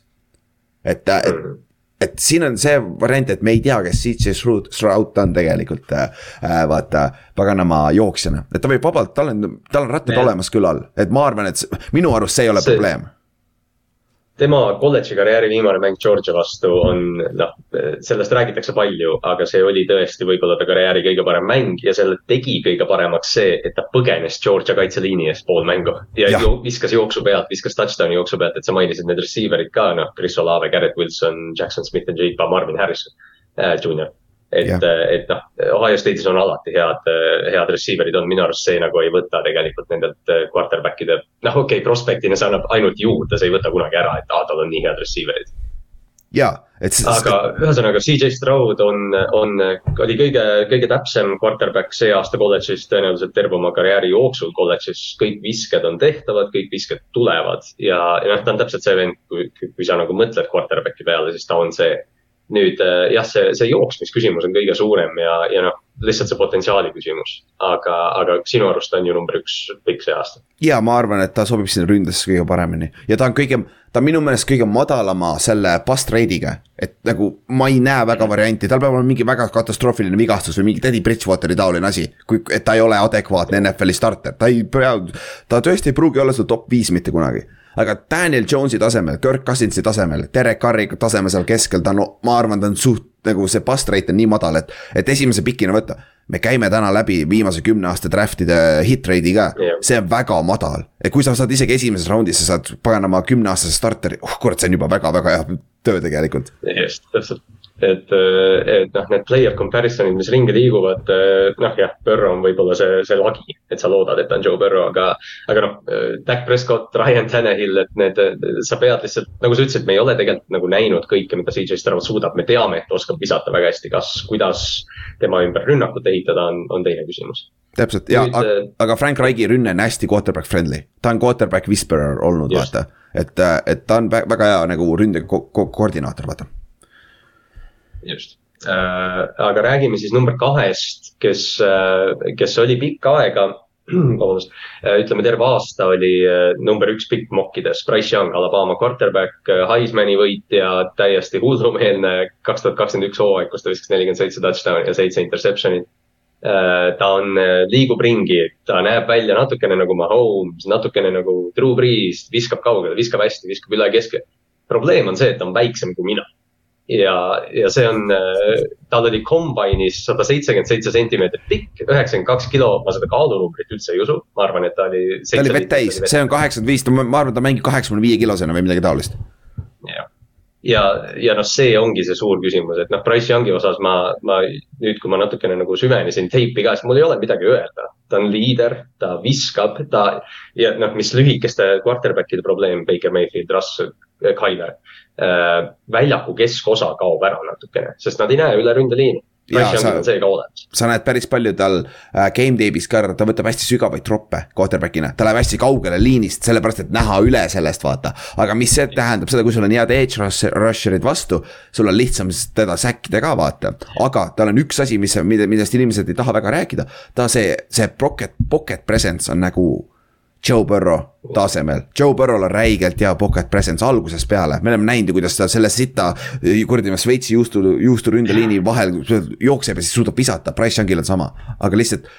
me kardame rohkem seda, et äh, Price Youngil on üks, kaks, kolm, neli, viis suurt hitti järjest ja vend on juba audis jälle nagu Justin Fields eelmine aasta, vaata. et ta on seal sinises telgis liikunud. see on nagu just, jah, täpselt, Fields, jah, ja noh, isegi vaadates Baker ja Clevelandi lõpus, me räägime potentsiaalsest number üks pikist, kus ta oli korduvalt, noh, ta terve see õlg oli ju kinni seotud, kuna noh, ta lihtsalt sai peksa palju. Ja, ja noh, see ei ole nagu see, mul on alati nagu nii keeruline Price'ist nagu rääkida või mõelda ja nagu noh, sa proovid mitte öelda, et aa, see tüüp nii pisike, nii väike, et noh, et NFL-is on tough'i vaja, aga, aga kui sul on saja kolmekümne kilone kaitseliini tüüp, kes tuleb ja sa kaalud kaheksakümmend viis heal päeval, siis noh, ma natuke muretsen su pärast ja see on see küsimus, mis Price Youngiga kaasa tuleb alati. sest et kui ta oleks samas hulgas CJ Stroud, ta oleks Joe Burrow äh,, Trevor Lawrence'i klassis, nagu ta oleks Trevor esimene pikk nagu by far. see, kuidas ta mängib Deshaun Watsoni äh, võrdlus väljakul loomulikult on, on minu arust suurepärane, see, kuidas ta isegi nagu liigub, minu arust ta jookseb, põgeneb, kuidas ta pocket'is on. Drew Brees on loomulikult noh, see, see klassikaline võrdlus väike quarterback ja Price'i, ma natuke nagu näen seda temas Mm -hmm. aga, aga tema osas, noh, see küsimus, noh jah, see suuruse küsimus, aga, aga kas sa usud, et Houston teeb, noh, oletame, et Stroud läheb number üks. Äh, kas sa arvad, et Carolina või Texans võtab Bryce Youngi, ühesõnaga? ma, ma arvan, siit, siit see läheb ühena ja Texans võtab Price Youngi, sa, esiteks tead, miks või? tal on see hype taga, tal on, ta on äh, nagu vaata, ta on nagu müü-, marketingi poole pealt, ta on väga müüdav nägu, vaata. sul on fännidele kohe, boom, season ticket holder itele tulevad ta... suured pagan newsletter'id, Price Youngi näoga, värgid-särgid, ta on hästi market. esimene, esimene Alabama quarterback, kes võitis Heismani, nüüd ta on, nüüd ta on meie tiimis. aga ei ole võitnud national championship'i. Ta ei ole nätit võitnud. Jaa, aga who cares, Heisman on ju ja kui sa, kui sa paned ta siin, aa ja noh, Texansis on ju John Metsi ka, kes oli, kes oli Price'i. ja, aa ja, ja point, jaa, ta tuleb tagasi nüüd ju Metsi, Metsi ju jättis eelmise aasta haiguse tõttu vahele, aga, aga vist pidavad tagasi tulema, aga lihtsalt jah, kui sa Price'i paned selle season ticket'i eh, kaane peale, siis sa pead ta panema koos receiver ite ja mitte ründeliini meestega ründeliiniga ta teeb, see, see, sa pead ikka kõvasti välja zoom ima, et teda näha üldse. Et kui seal Laremy Tantseli kõrval ei, ole hea panna seda, tooli alla vaja, on ju. et noh, Price'iga täpselt ongi, et ma ei, ma ei taha seda kõlama panna nagu Price on, noh, et ta, et ta on draft imatu, lihtsalt see support system tema ümber ümber peab olema minu arust nagu väga soliidne, et ta ei saa, et noh, ründeliin eriti. jah, ja võta kõik, kõikidel quarterback idel limitatsioonid. Drew Brees oli okei okay San Diego Chargersis, aga kui ta kohtus äh, Sean Paytoniga, ta, ta oli hall of famer jah, ja aga see ei ole muidugi ka ainult Sean Paytoni efekt, Drew Breesil oli ka see it factor olemas, vaata. aga lihtsalt äh, kui sa võtad lihtsalt tõenäosuse koha pealt, et need limitatsioonid ajalooliselt, vaata skautidel on olemas need parameetrid, mis peaksid olema. et see tõenäosus, kui sul on mingist sellest parameetrist oled allpool, see tõenäosus kohe kukub kolinal, vaata. aga meil on exception'id ja ma arvan, Price Young on üks nendest exception itest, et ta saab olema väga exciting rookie aasta. nagu Deshaun Watson on hea näide, Deshaun Watson oli räigelt exciting rookie aasta, kuni ta viga sai, vaata tegelikult. ma, ma nõu-, nagu, kui ma, noh, ütleme, Price on üks mängija, kelle peal ma olen siiamaani on defense, et ma ei suuda nagu ära otsustada, et noh, ta on selgelt number üks piki väärt. aga kas ma teeks ta number üks pikiks puhtalt suuruse pealt, aga, aga tõesti üks asi, mis ta on, on suurepärane quarterback lihtsalt, lihtsalt see ongi see, noh, see on see küsimus, millest me räägime ja noh, ilmselt järgmiste nädalate jooksul tuleb siit veel. ja, ja äh, need kaks on, on ju tier üks on ju, need on blue chip generational ja, tegelikult on ju, on ju. selgelt okay. Äh, ja nüüd, kui, kui Price'i võrdlus on, ma ei tea, Fran Tarkenton või, või need, äh, kes see, McMahon oli vist viimane, kes esimeses raundis valiti. rääkimata sellest, et noh, võib-olla number üks, number kaks, nii väike quarterback. noh, Tyler oli üks, aga Tyler mm, -hmm. Tyler on põki sõna otseses mõttes. sa arvad, et Tyler on väike uh,? Anthony Richardson on täiesti teine ekstreemsus sellest füüsilisusest kui Anthony Richardson ei tööta quarterback'ina, see vend on Logan Thomas, two point oh, tight end yeah nagu sada prossa. ma mõtlesin ka, et noh, et worst case stsenaarium sa saad omale tight end'i, eks ju, et, ta oli, mis ta oli, kuus, neli, kakssada kolmkümmend poundi ja jooksis neli, neli, äh, nelikümmend jaardi. jah, ja hüppas üle neljakümne intši vertikali ja, ja pro jump oli ka juba. Combine performance on sada protsentiil, sest reaalselt keegi pole olnud selline vend. lihtsalt kunagi, isegi Cam Newton, Josh Allan, kõik need füüsilised elajad ei ole olnud nii elajad kui Anthony Richardson, mis, mis teeb Richardsonist võib-olla kõige vastuolulisem quarterback'i see aasta, sest kui sa vaatad tema mängu, ta täpsusprobleemid on nagu ajaloolised, ta on üks ebatäpsemaid quarterback'e NCAA ajaloos. Trent mm -hmm. Dilferi tasemel ta võitis kogu superbowli teile, ta viskas Trent Dilferi bussi alla no ja ma arvan, et Anthony Richardson võiks ka superbowli quarterback olla aga, aga selleni me jõuame äh,. aga mõned need play'd, mis Richardson teeb, kui sa, kui sa paned highlight tape'i lahti, siis Anthony Richardson, sa näed seda, et aa, see vend võib olla nagu noh, top kolm, miks mitte. ja see potentsiaal, vaata, see on naljakas sa vaat-, nagu ma saan aru, miks meedia armub ära nendesse mängijatesse, vaatab peale suuri kombaini performance eid ja värke-särki. Aga kohati tundub ka ära, et kuradi mõned meeskonnad armuvad ära millegipärast, sest et tegelikult sa ei tee mitte midagi ilma varustuseta NFL-is. see, sa vaatad Anthony Richardsoni pro date, need kaks, need kaks pikka söötu. ma ei ole quarterback'i ekspert, aga kurat, see tehnika oli väga, väga nagu, nagu, väga nagu laisk. see vise, see üks vise nagu, jooksis vasakule poole, ta viskas lihtsalt suvaliselt nagu külje pealt nagu et nagu, kui mõtled. ta flipib, tal minu arust alakeha ei tööta viskel, ta lihtsalt viskab käega. ja, on ja, aga siiamaani tal pole, vend viskas mööda katust ja viskas seitsekümmend neli jaardi või palju ta viskas nagu nagu. nagu lihtsalt randme pealt, kahekümne ühe aastane quarterback, et see on. See potentsiaal ja, ja, ja nagu sa ütlesid, siis eh, noh samamoodi nagu, nagu meedia armub ära mingitesse prospektidesse, siis draft on ju tegelikult inim et noh, selles Jop. mõttes, et seda, seda räägitakse Will Levise kohta ka, et Levis on täpselt sihuke vend, kes tuleb tuppa, annab sulle sooja käepigistuse ja mõtled, aa, mulle meeldib see tüüp. Et, et Richardsoni osas noh, natuke on see küsimus ilmselt, kuna, kuna ta on näidanud oma kolledži teivis nii palju sellist ebastabiilsust ja halbu otsuseid ja noh, ebatäpsust. aga kõik see, mis ta suudab teha, on see, mis teeb temast potentsiaalselt top kolm piki. jah, aga kõige haigem asi selle juures on see minu meelest tal, teda võrreldakse Cam Newtonitega, on ju, ja selliste mängijatega. Aga Cam Newtonil oli production, Lamar Jacksonil oli kolledžis production. Anthony Richardsonil ei ole production'it NFL, mine vaata ta stat'e, nagu täiesti olematu, ta oli üks aasta starter eelmine aasta. ta on, ta on Trey Lance'iga väga sarnane, tegelikult. Trey Lance on nagu, ta on noh, praktiliselt sama prospekt tegelikult. jah, aga ta on parem atleet ehk siis, mis tähendab, Trey Lance oli kolmas pikk ja tundub, et ta oli väga, väga sitt pikk. Vähemalt siiamaani. no just, seni, seni on olnud, et ja, ja noh, ja Trey Lance'il oli see, et ta on mänginud mingi mis iganes kolmteist mängu kolledžis, Anthony Richardson nagu reaalselt, nagu sa ütlesid, ta, tal on sama vähe experience'i põhimõtteliselt väljaku peal. Et, et muideks, tahad, tahad mingist muust topikust rääkida seoses sellega, huvitav, kui paljud NFL-i meeskonnad kasutavad chat GPT-d ja siukseid asju draft imiseks. kuule, tead, kui me teeme oma mock draft'i, teeme chat GPT mock draft'i, laseme tal draft ida ai, ai, proovime, vaatame, mis juhtub. jah, sest see peaks ju data analüüst olema ju, ta, ta peaks ju võtma ju ainult nagu mitte ratsionaal- või nagu ta peaks ainult faktiliselt võtma, vaata need pikid. sa peaks, sa peaksid chat GPT-le, tegelikult seda saaks nagu jumala lihtsalt proovida, ütled lihtsalt, et anna mulle Anthony Richardsoni draft profile, vaataks, mis ta ütleb nagu. jah, ja siis anna mulle projection, mis tast NFL-is on. oh kuule, chat GPT neli tuli välja muideks et nagu see, see oleks päris huvitav asi, mida täitsa teha nagu. see on, see on projekt Draftiks, ma räägin, mock draft'i jah, kes, kes ei ole, kes on uued kuulajad meil, siis me iga aasta teeme ka draft, enne draft'i mõned päevad teeme, teeme meie siukse official mock draft'i, mis on sihuke tseremoniaalne ja suur sündmus, et pange, pange valmis selleks enne. täpselt, aga, aga Anthony Richardsoni juurde tagasi tulles minu su kõige suurem probleem ongi see, et tal ei ole kolledžis production'it, kust sa saad võtta selle, et sul on paganama, et nüüd sa oled kõrgemal tasemel ja nüüd sul tuleb production. sa saad alati tuua argumente, et jaa, et sul on meeskonnakaaslased olid, on ju, halvad. Äh, või noh, sul ei olnud talenti väga ümber, on ju, coaching oli halb, on ju.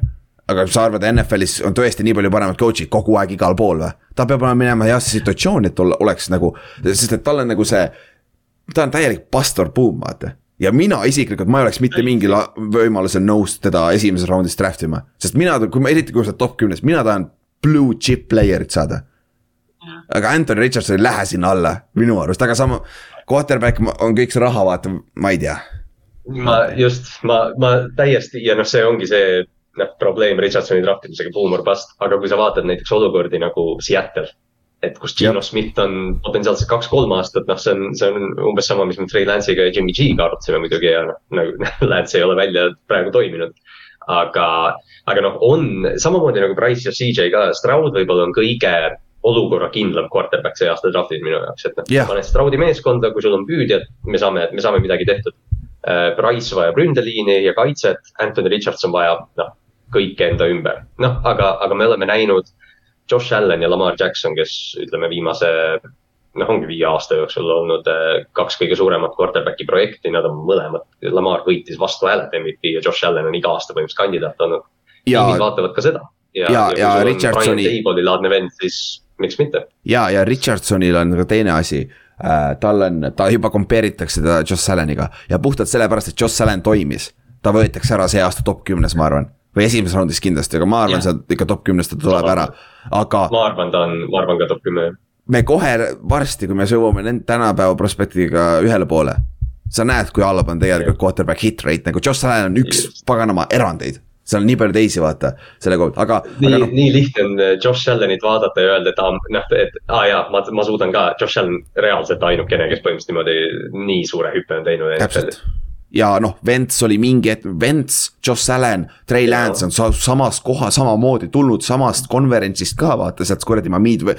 mis iganes konverentsid on North Dakotas ja seal mängivad on ju. seal üleval. jah, et äh, nad on kõik tulnud ja nendest ainult Josh Allan on toiminud, Vents, Ventsil pole enam meeskondagi ja Trey Lance'il on potentsiaali, aga me ei tea, on ju aga. ja ja noh, Josh Allan, noh, play-off'i, play-off'i edu, Pilsid, no okei okay,, me ei pea sinna otseselt nagu minema, aga, aga noh. Allan ei ole ka nagu lõpuni toiminud, ikka me näeme, kuidas Täpselt. Matthew Stafford ja Joe Burrow jõuavad superbowli. ja, aga, aga noh. ja mine, mine ah,. Eh, lähme siis, lähme siis edasi eh, järgmise quarterback'i juurde, kes, eh, kui Anthony Richardson ei oleks see aasta, siis ilmselt me räägiks natuke sarnaselt Will Levis Kentucky'st, kes noh praktiliselt sama prospekt, aga lihtsalt natukene halvem atleet, kõik natukene tead, keerad alla, aga ja samamoodi on need ebatäpsusprobleemid ja ebastabiilsus, aga noh, Will Levis on igal pool, kus ta käinud on, on kõigi lemmik.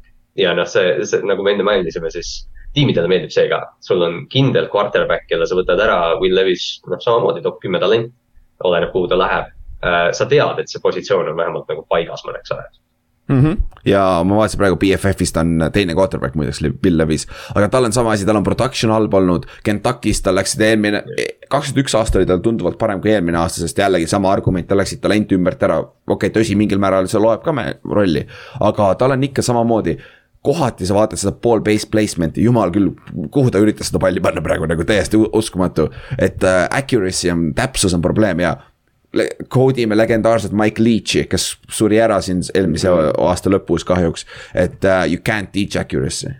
ja mis on, ma tean seda argumenti, ma olen kuulnud ka päris palju, et uh,, et see on sihuke see on projekt, projekt, vaata, eelmine aasta me nägime, see sarnane haip oli Malik Willisega. ja kui ta jõudis NFL-i yeah oi jumal, ta oli nagu tear, tear in the headlights, nagu ta oli nagu kits kuradi väljakul ringi. jah, Malik oli reaalselt see, et noh, ta puterdas palli, sest noh, ta ei, ta lihtsalt ei tulnud toime selle olukorraga, et nad pidid tooma ju sisse appi, kes see nüüd oli. selle Toops. jah, Josh Toopsi jah. jah, et, et, et noh, ja Josh Dobbs ei ole nüüd ka siin mingi, mingi Ferrari sul seal tiimi otsas, et, et noh, Will Levis, aga, aga Levis jah, ta on nagu sa ütlesid, tal on äh, samad, samad probleemid, ta on kaks aastat vanem kui Richardson, mistõttu ma arvan siiski, et Richardson läheb enne teda kusagile. ma arvan ka, pigem, pigem jah, ja ma olen juba kuulnud seda paar, paaris kohast, aga ärge hakake seda rassi jama jälle ajama, no jumal küll, olge vait nagu no,. nagu jumal, olge vait, kuradi, mismoodi, keda huvi, huvitab nagu. see on jah, see on nagu whatever Lamariga üritatakse ka ajada äh,, kas see oli Ryan Clark üritas seda luge-, lükata. Watson on samat värvi kui Lamar ja tal olid siuksed off the field yes. inimestel jumala savi, vaata, et see on, seal on mingi, ma jah see on, mis ta on. see jah, see tuleb, see tuleb quarterback'i küsimuses nagu alati jutuks, aga, aga noh, ma tahaks ka nagu idealistliku e-, eestlasena nagu arvata, et me oleme ikkagi nagu rassivestluses nii kaugele jõudnud, et me ei pea rääkima ainult rassist, me räägime nagu süsteemsest rassismist, mitte see, kuidas Will Levis ja Anthony Richardson võrdub, võrdlevad. jah, täpselt, täpselt ähm, Lähme siis, aga liigume siis Will Levis, Will Levis jah, tõesti, et noh, me väga sügavalt temasse ei, ei lähe, aga kes tahab, vaadake kõik need prospektid ise ka läbi, et äh, vaadake kasvõi highlight'e, et saate vähemalt aru, kes see inimene on. aga mm -hmm. liigume siis Levisest järgmine, kes põhimõtteliselt tegelikult siiski on minu arust first round quarterback on Hendon Hooker kes, äh, kes oli veel selle hooaja alguses oli noh, TNS-ist tulnud äh,. Production on täiesti suurepärane Äh, aga, aga see süsteem, mida TNS-is tehakse, on täpselt see, et nagu noh, CJ Stroud mängib pro style'is. Hendon Hooker mängib TNS-is, kus noh, see ei äh, tõlgendu. see on see Chip, Chip Kelly rünne põhimõtteliselt, see on see quarterback põhimõtteliselt fake snap ivad, vaatavad, mis kaitse teeb, kõik, terve rünne vaatab sideline'i, coach annab uue käskluse ja siis jooksevad play, põhimõtteliselt ta ise ei pea otseselt midagi muutma väljakul. ja teine asi, raudkombinatsioonid, mis nad viskavad, nad jooksevad hästi palju vertikaali ja spread option'id, spread ivad välja. Jalen Hyatt oli tal see, oli tal see deep play, deep play püüdja seast, Jalen Hyattist räägime ka siin paari nädala pärast ilmselt aga, aga lisaks... Hendon on, Hendon on kahekümne viie aastane ja tal on äh, päris kõva põlvevigastus. jah, ACL läks eelmine aasta, et äh, kahjuks hooaja lõpus, et see arvatavasti lükkub ta esimesest raundist välja, aga ma, kui ta oleks terve, ma arvan, ta oleks esimeses raundis, ta oleks osades board'ides Will Levise ja Richardsoniga koos, sest ta on näidanud production'it vähemalt vaata ja tal on olemas kõik käed, kõik asjad olemas, ta tundub tark vend ka olevat, et äh, suudab selle pro style ründe ära, ära õppida, on ju, aga siin, äh, kui me, kui me mõtleme teda nagu noh, first round'i lõpus, ütleme alates tiimidest, no kaheksateist on Detroit Tampa Bay üheksateist, Seattle kakskümmend, äh, Minnesota kakskümmend kolm, jumal teab, mis Baltimooris toimub, kakskümmend kaks. Äh, shout out Hingsu. mis peaks pime olema ja siis jah, raud-, ma just mõtlesin ka, et kas see nagu silmaopp ei olnud. tal veel ei olnud jah, mul oli idees aga, aga jah. kiir-, äh, ühesõnaga ja Saints ka kahekümne üheksas pikk et esimese raundi lõpus, ma arvan, sama, mis Baltimore tegi Lamar Jacksoniga, kasvõi keegi tuleb ja treidib üles. sest sa tahad, kuna tal on see vigastus, tõenäoliselt sa ei saa loota selle peale, et ta see aasta mängib, sa tahad seda viienda aasta option'it, sest kõik quarterback'id, kes esimeses raundis valitakse. Meeskondadel on võimalus nad viieks aastaks lepingu alla jätta. ja see on täpselt situatsioon, kus on Lamar praegu just, täpselt, et äh, ja jah, ja ma arvan, et see jah, just see vigastus on täpselt see, miks Hendon Hooker, naljakal kombel see vigastus on see, miks ta on first rounder, sest tiimid tahavad pluss ühte aastat. täpselt äh,. aga need viis, kellest me just mainisime, nemad on nagu see first round'i ringis ja siis noh, kaks nime, keda veel nagu lihtsalt teada on Stetson Bennett ja Tanner McKee Stetson Bennett, Georgia's back-to-back national championship võitja äh, aga ütleme puht prospektina võitmine on üks ainsaid asju, mis tal tegelikult kes, on. kes viimati tegi seda kolledžis? H.M. McCarron, mis ta oli NFL-is heal juhul back-up ja praegu mängib XFL-is, lammutab seal Andy Daltoni back-up oli H.M. McCarron, see. aga jah, kõik, kõige parem, kõige parem asi, mis ma Bennetti äh, kuulsin, oli see, kui nad on täpselt sama suur ehitusega nagu Price Young, täpselt sama. ta liigub paremini kui Price Young tegelikult, ta on sneaky tegelikult oma jalgadega mm. -hmm kes iganes draft'ib Price Youngi draft'iga Benson, äh, Stenson Bennett mingi viiendas-kuuendas raundis lihtsalt back-up'iks ja sul on süda rahul kümme aastat. Back-up'iks, aga nagu Bennett, ma nagu ja kõik, mis me kuulnud oleme, ta on nagu noh. tal, tal oli vist mingi off the field asi, kas see oli senior bowl'i ajal või? ja ta, ta ei, ei, ei, ei peale, peale national championship'i läks veits käest ära nojah, seal Georgias läks üldse käest ära, seal üks mängija tuleb veel hiljem, aga, aga jah, miks mitte Bennett ei võiks olla Taylor Heineki tasemel mängija, kui yeah. mitte parem ja, ja mind, mind hirmutab see, et Baltimore sainis Todd Monkeni Georgiast ja nüüd Lamar Jackson läheb ära ja siis Stetson Bennett stardib ja siis ma lõpetan. aa, okei okay,, kusjuures jaa, see on huvitav lüke jah ma, kes, noh chat'is ka ma, ma vaatasin eile või üleeile või millal see oli nüüd, äh, vaatasin mingeid vanu Ravensi klippe ja siis Joe Flacco't meenutasin. ja, ja Flacco'ga on väga soojad mälestused, sest ta on superbowli tšempion ja siis sa kuulad mingeid mänge ja vaatad, minu arust ta viskas rohkem interception eid kui completion eid ja siis ma lihtsalt ei taha seda ja nagu Stetson Bennett ei, ei erguta mind eriti. ega jah, aga see teine vend, kellest Aaron McKee's peaks ka veel rääkima. jah, et kes mm, -hmm. ta on, ta on lower siis siis Stroud ta ei ole atleet ega midagi, aga ta mängib, mängis väga, väga sihukest, sihukeses pro-style ründes ja ta peaks suutma, Andy Dalton, Derek Carr võib-olla ei ole kõige halvem comparison, midagi sinnakanti, et ta võib olla sul adekvaatne starter. et see on ka sihuke huvitav nimi, kelle silma peal hoida, teises-kolmandas raundis. nii palju, kui me tahame neid, neid noh, erandeid nagu näha, et noh, Tom Brady, Dak Prescott, aga, aga noh, aeg-ajalt neid ikka tuleb ja, ja noh, Sander McKee ja Stetson Bennett on täpselt selles positsioonis, kus noh, kui keegi see aasta seda teeb, siis nemad. jaa, täpselt, täpselt ja äh,. aga jah, selle quarterback idega, noh, meeskonnad, mida nagu jälgida, noh, loomulikult Panthers Texans, Coltsil on quarterback'i vaja, aga nagu me rääkisime.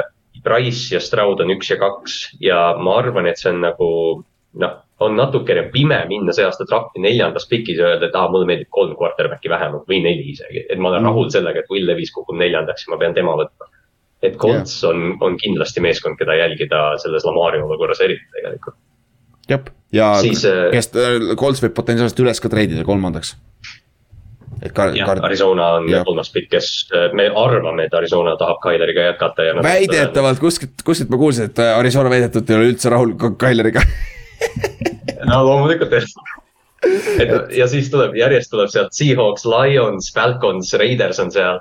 et yeah. need meeskonnad ja noh, just mina just vaatan Seahawksi ja Lionsit kui meeskonda, kes need kaks, nad on nii head, et nad ei drafti veel mõnda aega top viies, nagu nad praegu või top kuues. Äh, et noh, ja tavaliselt seal sa võtad selle quarterback'i ära, et need kaks meeskonda on, keda jälgida kindlasti. Aa ah, jah, täpselt. Ja see on hea point kusjuures, me ei, ma ju, ma ei taha, ma arvatavasti Seahawksi ei näe seal. Detroit ei tundu ka, et me näeme Detroiti seal, et see on hea ideaalne võimalus, kus võtta endale future quarterback, kui sa arvad, et see on tõsi. Gino Smithi ja Jared Cough'i taga istumine ei ole häbiasi. eriti äh, projekt quarterback'ile, kes, kes võivadki olla siis Levis ja Richardson näiteks mm. -hmm. Äh, on sul veel mõni, mõni äh, idee quarterback'i klassi kohas, mida sa tahad mainida?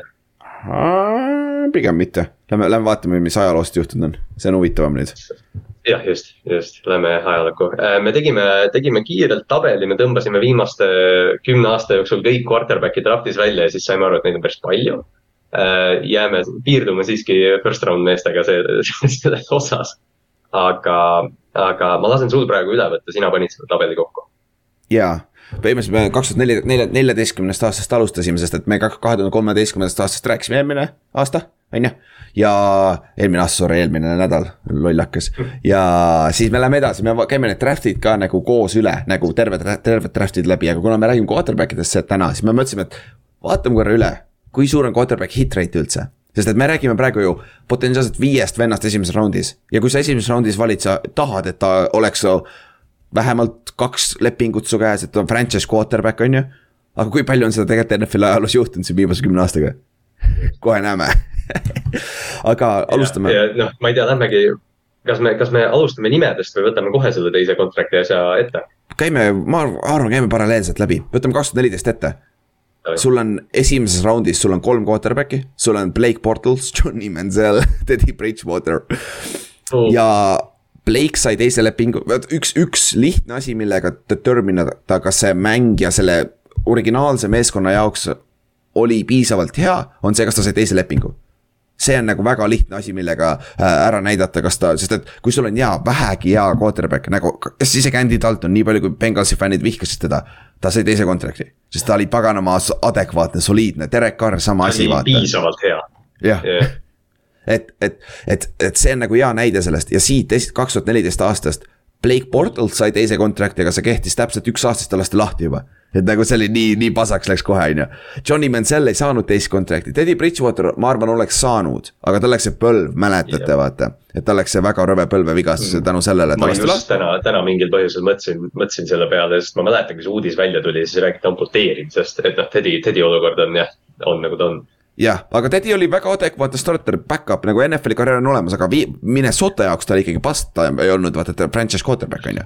ja tervelt sellel aastal kaks tuhat neliteist valiti neliteist quarterback'i, kellest kaks tükki seda nüüd teise contract'i, ehk siis ja see oligi te, äh, Derek Carr, jah. väga hea pikk Raidersi poolt, üheksa aastat su franchise quarterback, super töö äh,. teises raundis ka veel, Blake Bortles oli teine, kes sai selle lepingu. ja see ausalt öeldes ei väärinud ka seda, sest et ta lasti kohe aasta peale seda lahti ja siis põhimõtteliselt terve draft'i peale hit rate quarterback idel oli neliteist protsenti kui me loeme Blake Bortlesi sinna sisse, on ju, ja see on väga-väga väike tegelikult vaata ja noh, Johnny Mansell oli täis past, on ju et taas ta on see, kas Mansell räägi-, rääkimata teisest contract'ist, ta ei saanud teist aastatki umbes. ta ei saanud teist aastatki jah, ja nüüd ta mängib seal fan controlled football'is. igal pool ringi käinud.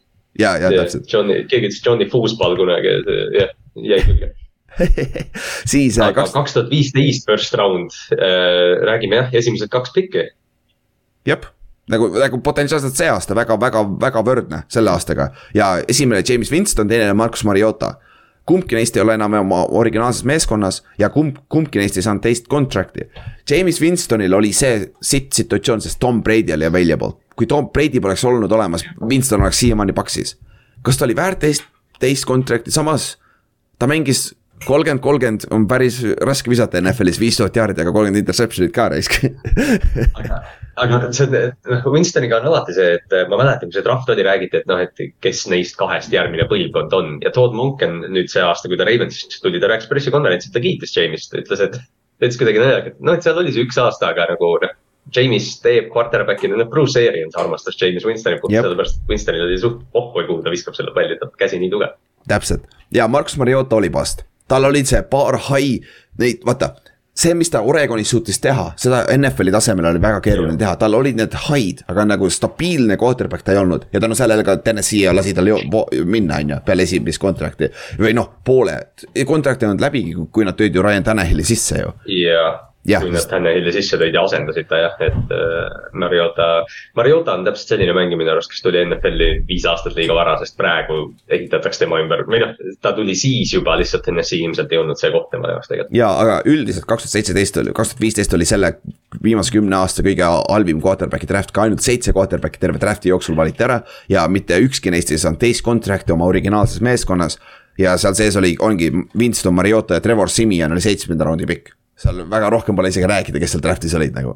et see wow. päris nutune, aga kaks tuhat kuusteist oli. see oli nagu siiralt hea klass, kui, kui draft algas, nagu Täpselt. kõik arvasid, et need kaks venda on.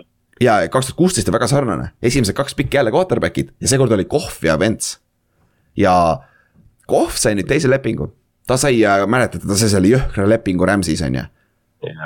ja Rams'is ta ei elanud seda contract'i võib-olla üle, aga praegu Detroitis, jumala hea et, et selle koha pealt ma ei, mitte jumala hea, ta ei ole franchise, me ei tea veel sada prossa, kas ta on nüüd Detroiti tulevik ka, on ju. aga ta on väga adekvaatne starter, on ju.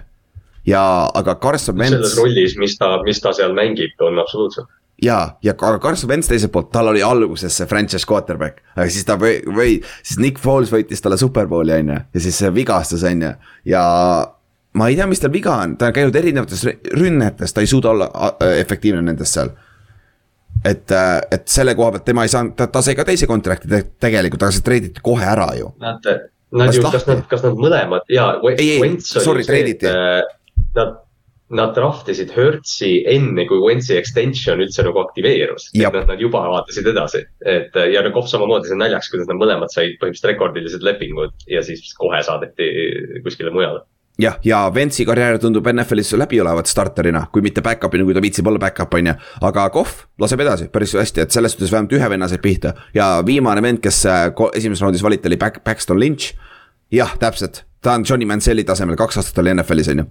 ta on vist ainukene mängija, kes on NFL-is äh, bench itud XFL-is bench itud yeah., USFL-is bench itud ja mingis liigas veel bench itud, neljas liigas on ta bench itud. ja ta on, ta on nagu, noh, see jah, Paxton Lynch puhtalt draft iti sellepärast, et ta on pikk. Will Levis ja Anthony yeah. Richardson täpselt, ta oli täpselt sihuke vend yeah., Memphises mängis, väga talendikas, vaata. Drew, Drew Lock kukub ka natukene sinna auku minu täpselt jah, good point, aga kaks tuhat kuusteist oli kokku viisteist quarterback'i draft iti ja kolm nendest said teise contract'i. ehk see oligi Carson Wentz, äh, Jared Cough ja neljandas raundis valiti äh, Dak Prescott, kes on siiamaani ainuke mees, kes on selles draft'is samas meeskonnas, nendest suurtest nimedest.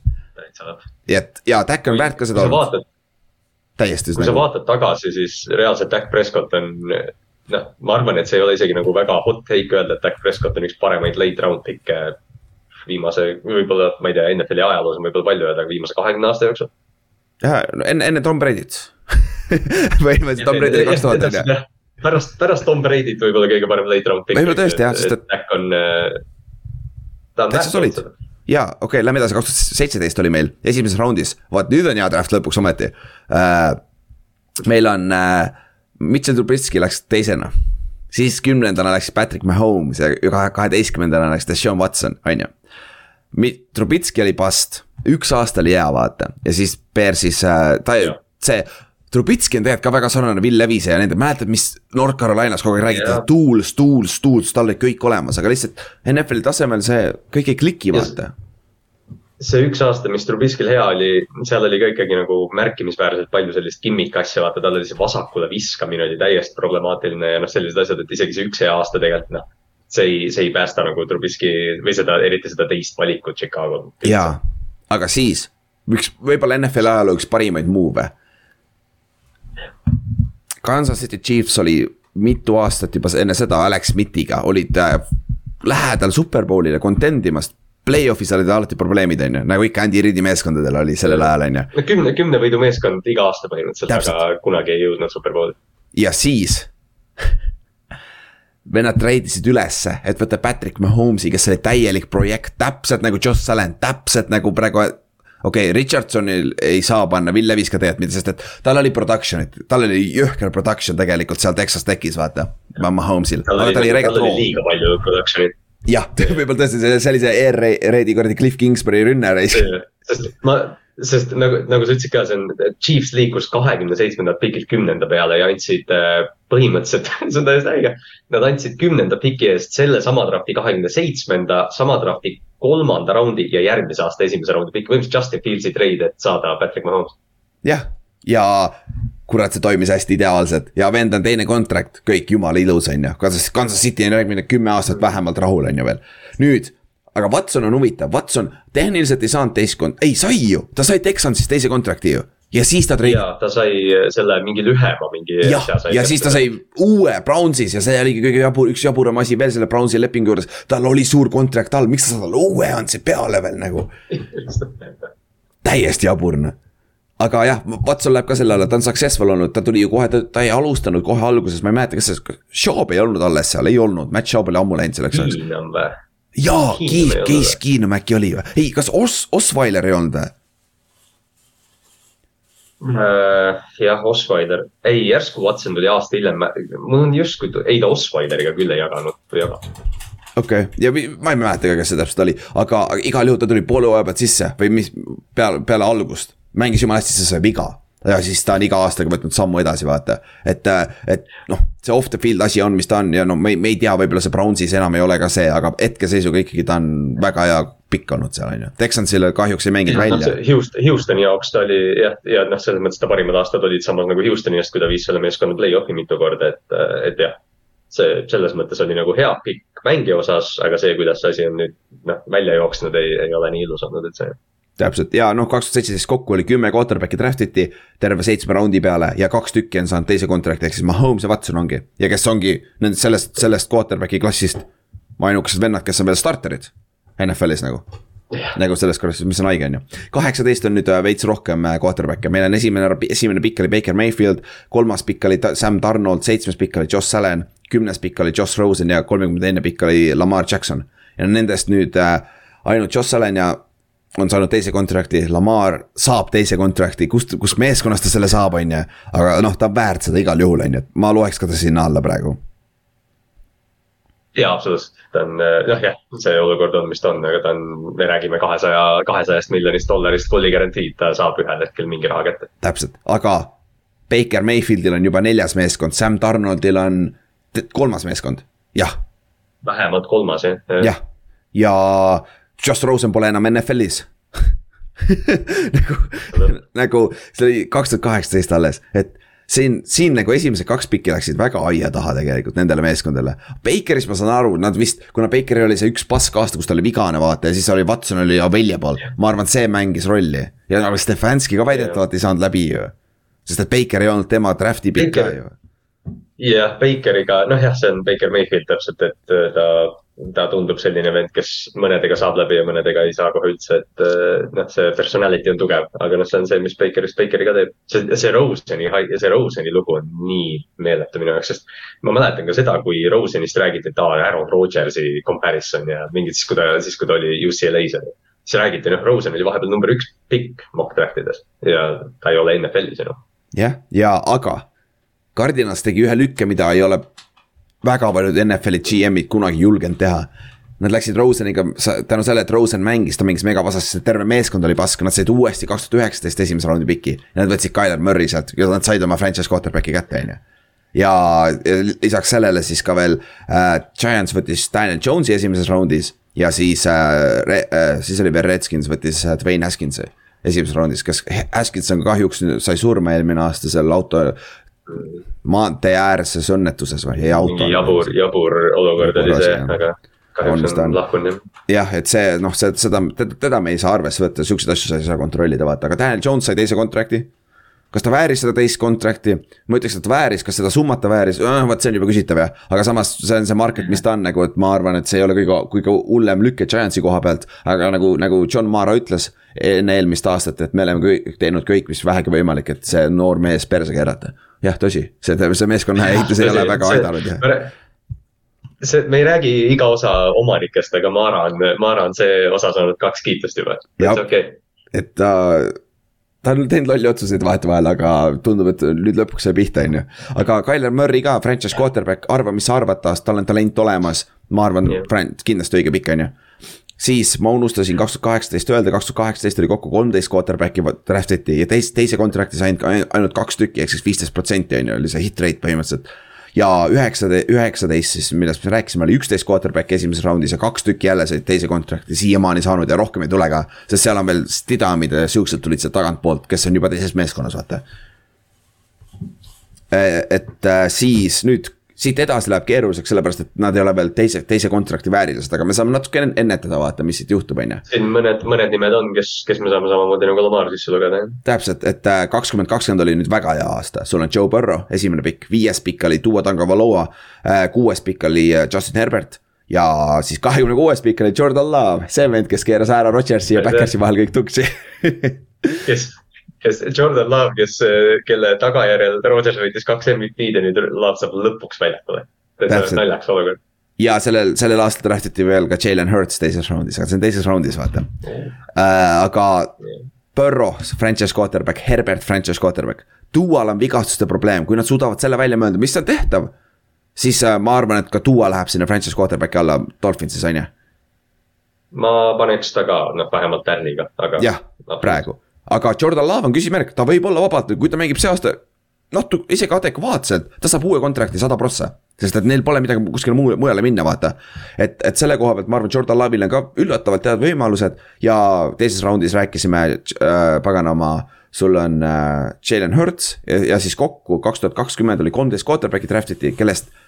ma võin öelda praegu projection'iga, et neli, neli tükki vähemalt saavad äh, uue, uue kontrakti, kui mitte lausa viis tükki et, et see tähendab siis ju, kui, kui saab viis tükki, see annaks hit rate'i protsendiks paganama.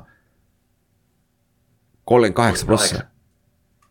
see on nagu super, super hea aasta, üks erand. see on, see kaks tuhat kakskümmend on potentsiaalselt nagu all time quarterback draft tegelikult. täpselt, kui, kui sul on Burrow, kui ta mängib sellel tasemel, nagu ta võib mängida, Justin Herbert, kui ta jätkab samamoodi, need on kind-, nad on hall of fame quarterback'id ja nüüd üks nendest, Jordan Love või Dua või äh, Jalen Hurts peab ka veel mängima, et olla conversation'is, vaata Dan Marino. John Elway, Jim Kelly klassiga või siis Eli Payton äh,, Eli, Big Ben ja äh, Philip Riversi klassiga, vaata. kaks tuhat neli ja kaheksakümmend kolm aastal uh ma mõtlesin täpselt sama asja peale ja, ja noh, jah, täpselt, miks mitte selline kolme, kolmepealine draakon, nagu nad on. täpselt, et, et kui midagi hullu, hullult vigastusi või midagi juhtus, siis ei tohiks olla probleeme, on ju. aga nüüd, kaks tuhat kakskümmend üks, üle-eelmine aasta esimene pikk oli Trevor Lawrence, teine pikk oli Zack Wilson, kolmas pikk oli Trey Lance, esimesed kolm pikka oli quarterback'id, siis tuli Justin Fields oli äh, üheteistkümnes on ju. ja Patriotsi pealt võttis viie, viieteistkümnendana võeti Mac Jones, ehk siis sul on viis, viis esimese raundi quarterback'i. ja neist, või, Trevor Lawrence saab kindlasti teise kontrakti. Zack Wilson pigem mitte, aga kurat seda, mis seal Rodgersiga juhtub, on ju. Trey Lance, väga suured küsimärgid, ma ei usu. me peame seda enne nägema ja aga ma arvan, Fields saab, ma millegipärast arvan, ta sobib sinna Chicagosse. kui ta, kui ta terve püsib, siis ma, ma ei imestaks ka jah, kui, kui ta nagu suudab seda, ma ei tea, seda vigastust, noh seda sinises telgis käimist nagu piirata, siis miks mitte. ja Mac Jones, see on Bill Belichik, sa ei tea kunagi, mis kuradi Patriots teeb, on ju. et teoreetiliselt ta võib saada, täiesti, täiesti lihtsalt võib tegelikult saada teise kontrakti sinna. et ta on jumala adekvaatne quarterback, nagu Mac Jones on Derek Carr ta, Andy Dalton täpselt seal klassis, vaata, Daniel Jones. Cousins, kõik need, kõik see klass, et kui, kui tema ümber on asjad korras, siis ta, siis ta saab mängitud väga hästi. täpselt ja et siis potentsiaalselt kaks-kolm, ma eeldan, et kaks tükki tuleb ära, ehk siis kümme quarterback'i draft iti kogu, kogu aasta peale ja kaks tükki toimisid, mis tähendab kakskümmend protsenti oleks hit rate on ju, see oli päris okei okay isegi. ja eelmine aasta oli halb quarterback'i aasta, me teadsime kõik seda ainukene esimese raundi pikk oli Kenny Pickett, jumal tänatud, sest vahepeal pandi Malik Willis number kaheksa, what the fuck, see oleks olnud üks suuremaid vigu üldse, mis NFL ajaloos teha saada, on ju mõtle, kui, mõtle, kui need mingid äh, märtsi lõpu mokid eelmine aasta oleks nagu päriselt juhtunud oh,. jumal, seal oli Malik Willis, Rider oli top kümnes mingis draft'is, ma nägin seda. ja siis oli Kenny Pickett oli kolmas quarterback alles, aga kokkuvõttes Kenny Pickett läkski Steelersisse. Sam Howell oli, ma nägin kunagi mingit mokki, kus Sam Howell oli number üks jaa, BFF-i number üks quarterback ju. jaa, täitsa loogiline ja okei okay,, Kenny Pickett, esimene, esimene, esimene round kahekümnes pikk ja praeguse seisuga ta saab teise lepingu aga me ei tea, see on alles üks aasta, vaata, meil pole õrna aimu, mis seal juhtub, et nüüd järgmine aasta on tähtis, sest tal on hästi, tal on talenti rohkem, ründeliin peaks ka parem olema. et äh, talenti on ümber rohkem, et see peaks huvitav olema et, et selle koha pealt ja kokku kaks tuhat kakskümmend kaks oli üheksa quarterback'i draft iti ainult. ja teine contract on suure tõenäosusega Pikettil, Rideril on mingi võimalus. Matt Corral on Panthersis, muideks tead seda või? Panthersis on jah, ma noh, jah, selles mõttes tean, aga ei mäleta mitte kunagi seda, kui me. ja mul ei tule ka meelde see, mul tuli ka siin alles meelde, on ju. Malik Willis, ausalt, see oli nii pask, mis me eelmine aasta nägime, ma arvan, see on liiga suur liip praegu teha, et ta on adekvaatne NFL-i starter. Rideril on võimalus olla starter. ta saab kui Malik Willis saab teise lepingu, siis see ei ole TNS-is, ma arvan. see ei ole võib-olla quarterback'ina Taysom Hill, Taysom Hilli roll, vaata, võib olla täitsa vabalt. sest ta, ta suudab joosta. midagi sellist. jah, aga Piket, Rider, ma arvan, kumbki neist saab teise lepingu kindlasti, Piketil on suurem võimalik, võimalus uh,. Matt Corral jah, pigem mitte, sest et kohe tuleb uus quarterback ette ka talle sinna, et see läheb keeruliseks. jah, jah, me arvame, et Stroud läheb juba korrale ette, et äh, aga noh, selles mõttes, ega ta noh, quarterback'i pikk jah, nagu me rääkisime, vaata see Roseni ja Murry olukord ka, et. Quarterback'i valimine on alati investeering ja risk, et noh, et see, et sa eelmine aasta kellegi võitsid, rääkinud sellest, et Corell oli mingi kolmas raund või neljas raund, et äh, noh, see ei peaks peatama Carolinat paremaks saamast. täpselt ja nagu te nägite, meil on põhimõtteliselt viimase kümne aastaga teoreetil, kui sa draft'id vaata quarterback'i sa eeldad tast vähemalt kaks kontrakti, mis on pea kümme aastat, üheksa aastat tegelikult tänapäeval. ütleme, et umbes esimene on first round pick'is on ju, ja viis aastat pluss neli aastat, nelja-aastase lepingu umbes. selle alla lähevad vii-, kümne aasta jooksul tegelikult ainult läheb äh, äh, Patrick Mahomes. ja siin noh, noh nüüd on siin on ju, sul on veel äh, Josh Allan on ju, Tyler Murray ja Joe Burrow'd on ju, aga need on juba nii noored, vaata Justin Herbert, sa ei tea kunagi, mis juhtub ja Trevor Lawrence on ju. Et nagu siin ei ole tegelikult väga palju quarterback'e ja nad on kõik AFC-s ka ju, haige. Jah, see AFC ots on nagu, mul tuli ka just, et, et noh, kõike seda nagu öelda, et, et ma, ma lihtsalt täna nagu hakkasin mõtlema jah, eelmise aasta kiirabi sõitma äh,. eelmise aasta draft class'i peale, kus jah, tõesti Piket oli ainuke first rounder ja noh, Piket on ka nagu sihuke kahe, kahe otsaga, et noh, et kas ta ikka on. ja siis nüüd see aasta me räägime neljast, võib-olla top kümnes, et, et noh, ma, ma olin ära unustanud, kui lõbus on draft'i jälgida, kui meil on päriselt quarterback'i, kellest rääkida. ja, ja kui see aasta on tervest sellest draft'i quarterback'i klassist on kaks tükki samas meeskonnas peale oma rookie contract'i, see on väga hea aasta, see on nagu väga-väga-väga okei okay aasta. see on hea klass juba, mis on, mis on tegelikult naljaks mõelda jah, et nii paljud tiimid ju võtavad oma tuleviku quarterback'i esimeses raundis ja tegelikult neist võib-olla heal päeval tuleb kolm tükki välja. jaa, täpselt, et see on nagu täiesti, täiesti crazy, aga noh, see on NFL, vaata vigastus mängib ka rolli, me ei tea kunagi, mis need teevad, on ju. et aga see, see on nagu sihuke, sihuke, sellepärast me tahtsimegi seda teha, et me tahtsime lihtsalt näidata, et kui, kui keeruline on tegelikult quarterback'i saada. Ja kõik räägivad küll Tom Brady'st, Joe Montana oli kolmanda raundi pikk, on ju. see ei ole lihtne leida endale franchise quarterback'i sealt tagant, me räägime Brock Birdist, tal üks aasta, pool hooaega. me ei tea, mis ta on tegelikult, meil pole kurat õrna aimugi. Et äh.... noh, see on nii lihtne, nii lihtne nagu draft'i alati vaadata, et noh, et mu tiim valis selle mängija, miks ta ei ole järgmine Tom Brady või, või Dak Prescott, aga noh, see fakt on lihtsalt see, et ta ei ole ilmselt oota, mul viimane asi, siis lähme edasi, kaitseliin, kaitseliini võtame ka veel läbi täna. kumb, kummal on parem karjäär olnud, Kirk Cousins või Dak Prescott? Kirk oli ka neljanda raundi pikk ju. praegu just taipasin. Nad on mõlemad makstud. jah, no Kirk on mingi viis korda makstud, aga Kirk on, Kirk on väga osavalt mänginud vabaagendi turgu ja Dak ka, ta sai vigastada. Äh, kumb parem on? Või parem karjäär. ma arvan, Tack puht, tegelikult see oleneb, Tack on ühes tiimis mänginud, mis võib-olla annab natuke rohkem väärtust, aga samas. ta on võitnud ka rohkem vist, kas Tack ei ole kahte mängu võitnud play-off'is mm -hmm. vähemalt, aga no jah, see on savi tegelikult, see play-off'i võit tegelikult quarterback'ile annab, on ju ja, ja noh, ma isegi, ma isegi tõmbaks võib-olla Derek Carri, noh, okei okay,, nüüd ta vahetas ka klubi ja, ja Carri viimane aasta ei olnud hea, aga need kolm nime minu arust on täpselt samad. ma ei tea, Tack tundub mulle lihtsalt, ma esimese reaktsiooni pealt võtaks Tack Prescott. ma võtaks ka pigem Tacki aga lihtsalt see ütleb seda, et nagu see neljandas raundis Kirk Cousins tuli ka lihtsalt, ta on ka, see oli ka kuradi hea pikk, vaata, see oli kaks tuhat kaksteist aasta. ja kõige haigem asi, sa võtad esimeses raundis Kirk Cousins, eh, pagana. RG3 ja siis võtad neljandas raundis teise quarterback'i ja see toimis ja, ja sul pole kumbagi. ja sa võtad, sa võtad reaalselt Robert Griffin kolme, kes oli noh ta oli samamoodi, et kui lakki poleks olnud, siis ta oleks olnud number üks vabalt. ja, ja siis su franchise tuli hoopis kolm raundi hiljem. täiesti haige, täiesti crazy. Davai, kuule, paneme edasi siis õpetame ära. võtame, võtame jah kiirelt veel kaitseliini ja, ja siis isegi edge'i mängijad ka mõned läbi, et, et kaitseliinis me oleme isegi hooaja vältel siin rääkinud, siin me räägime peamiselt kahest nimest, kes on Jalen Carter, Georgia interior defensive lineman siis Will Anderson, toome ta sisse, kes on siis pass rusher Alabamast. mõlemad meeskonnad on blue või mõlemad mängijad on blue chip, aga kui me muidu vaidlesime, et kas Carter või Anderson läheb esimesena, siis noh, nüüd tundub, et see on Will Anderson, kuna, kuna Jalen Carteri äh,, Jalen Carteri olukord legaalselt on, on muutunud. Jep, noh, me rääkisime ka vaata, Jalen Carteril oli see autoõnnetus, kus ta väidetavalt sõitsid rallit või tegid väikest Need for Speed'i või tegid väikest, väikest paganama, mis see teine on. Fast and Furious't on ju, aga siis kahjuks ta meeskonna sõitis surnuks ennast jah et äh, ja siis väidetavalt valetas ka politseile ja nii edasi, nii edasi, et seal on nagu. suure tõenäosusega, et see off the field'i mõttes sealt ei juhtu nüüd mitte midagi sellist, et ta vangi läheb või midagi sellist, et äh, aga.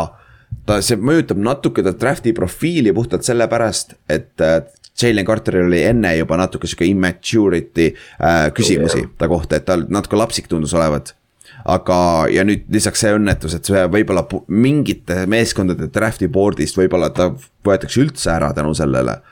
Aga, või siis hoopis teine asi, äh, ta pigem natuke kukub ja puhtalt, kui sa oled näiteks Arizona Cardinas on esimene, esimene meeskond, kes on number kolm, kolmanda piki peal, kellel ei ole vaja quarterback'i hetkeseisuga me vähemalt arvame, who knows, on ju, siis neil, nende poolt on kindlasti ohutum võtta Will Anderson sealt, on ju et see on nagu safe. just, ta on kindlam, et, et äh, noh, see juba tuli välja ka noh, okei okay,, kui, äh, kui selline asi juba meediasse jõuab, siis võib nagu vist arvata, et see tegelikult nagu on ka meeskond, noh, Raiders ütles kohe välja, et Jalen Carter on nende draft board'il maas, et. Äh, et noh, jah, see, see muudab olukorda, me muidu rääkisime, me muidu rääkisime tõesti nendest kahest mängijast kui generatsioonilisest pass rusher'ist või kaitseliini mehest, aga, aga ma arvan, et Carter ei kuku kümne, top kümnest välja ikkagi lõpuks. jah, ja noh, Jalen Carter, kuradi ma hea three tech, ta on kõige parem def-, defensive tackle kes on BFF-i poolt kreditud sellest ajast, kui nad on kolledžit jälginud kahe tuhande neljateistkümnendast aastast, ehk siis see aasta, kui Aaron Donald oli draft'is. Ja Aaron Donald oli kolme jah, juhtumisi on ju, ta ei olnud nii polist, et Jalen Carter on elajas väljakul, tal on super hea kätetöö, jalgade töö, kõik on olemas. ta mängib three tech'i rohkem, ehk siis rohkem mängib seal kaardi peal, B-cap'is on ju. ja noh, ta ongi Aaron Donaldiga saad võrrelda positsiooni mõttes, kui mida ta mängib, ta ei ole kindlasti nii hea veel, aga ta on suurem kui Aaron Donald ja see kiirus ja see liikuvus selle suuruse juures on väga super, et nagu ta oli eelmine aasta mängis ju Devonte Wyatt'i ja Jordan Davisega kaitseliinis ja ta on, arvad, tal on tal on sada prossa, okei okay,, sa ei saa öelda sada prossa. suure tõenäosusega tal tuleb parem NFL-i karjäär kui nendel kahel vennal kokku, ma arvan.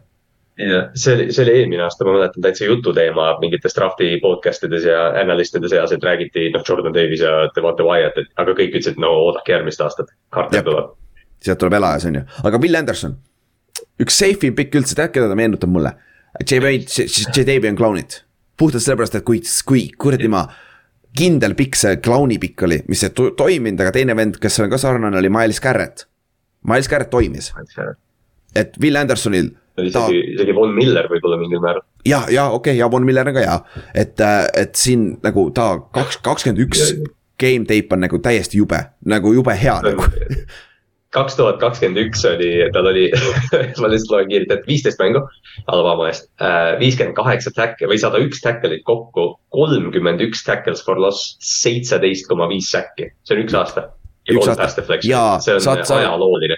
kui sa vaatad laivis seda, sa arvad, et ta on offside'is, aga ta kuradi get-off on täiesti jube, nagu see on ebaaus, kuidas, kuidas see tackle peab jõudma sinna, ma saan aru, miks need tackle'id tahavad vale startida kogu aeg, sest sa ei jõua lihtsalt ette, ta on nii kuradi kiire esimese sammuga nagu ja see ja ma arvan, minu arust Will Anderson, me rääkisime enne sellest Arizona quarterback'i otsusest, ma arvan, et Will Anderson muudab seda otsust selles mõttes, et Arizona on väga rahul sellega, kui ta number kolmega saavad. noh, potentsiaalselt Von Miller või, või rush. ja ta on nii hea jooksu vastu kui söödu vastu, ta jookseb neid jooksumänge ka selja tagant maha täiesti hästi, et nagu ta hoiab point of attack'i väga hästi, ta on, ta on tänapäeval paganama defensive end on ju, ta mängib seda äh, five tech'i paganama üheksat, mis iganes sul on vaja ja yeah ta on defensive end two ways, ta on nagu Miles Garrett on hea comparison, aga noh, siin on ka üks comparison, Randy Gregory sobib ka sinna. et nagu ta on yeah., ta on idekas, on ju.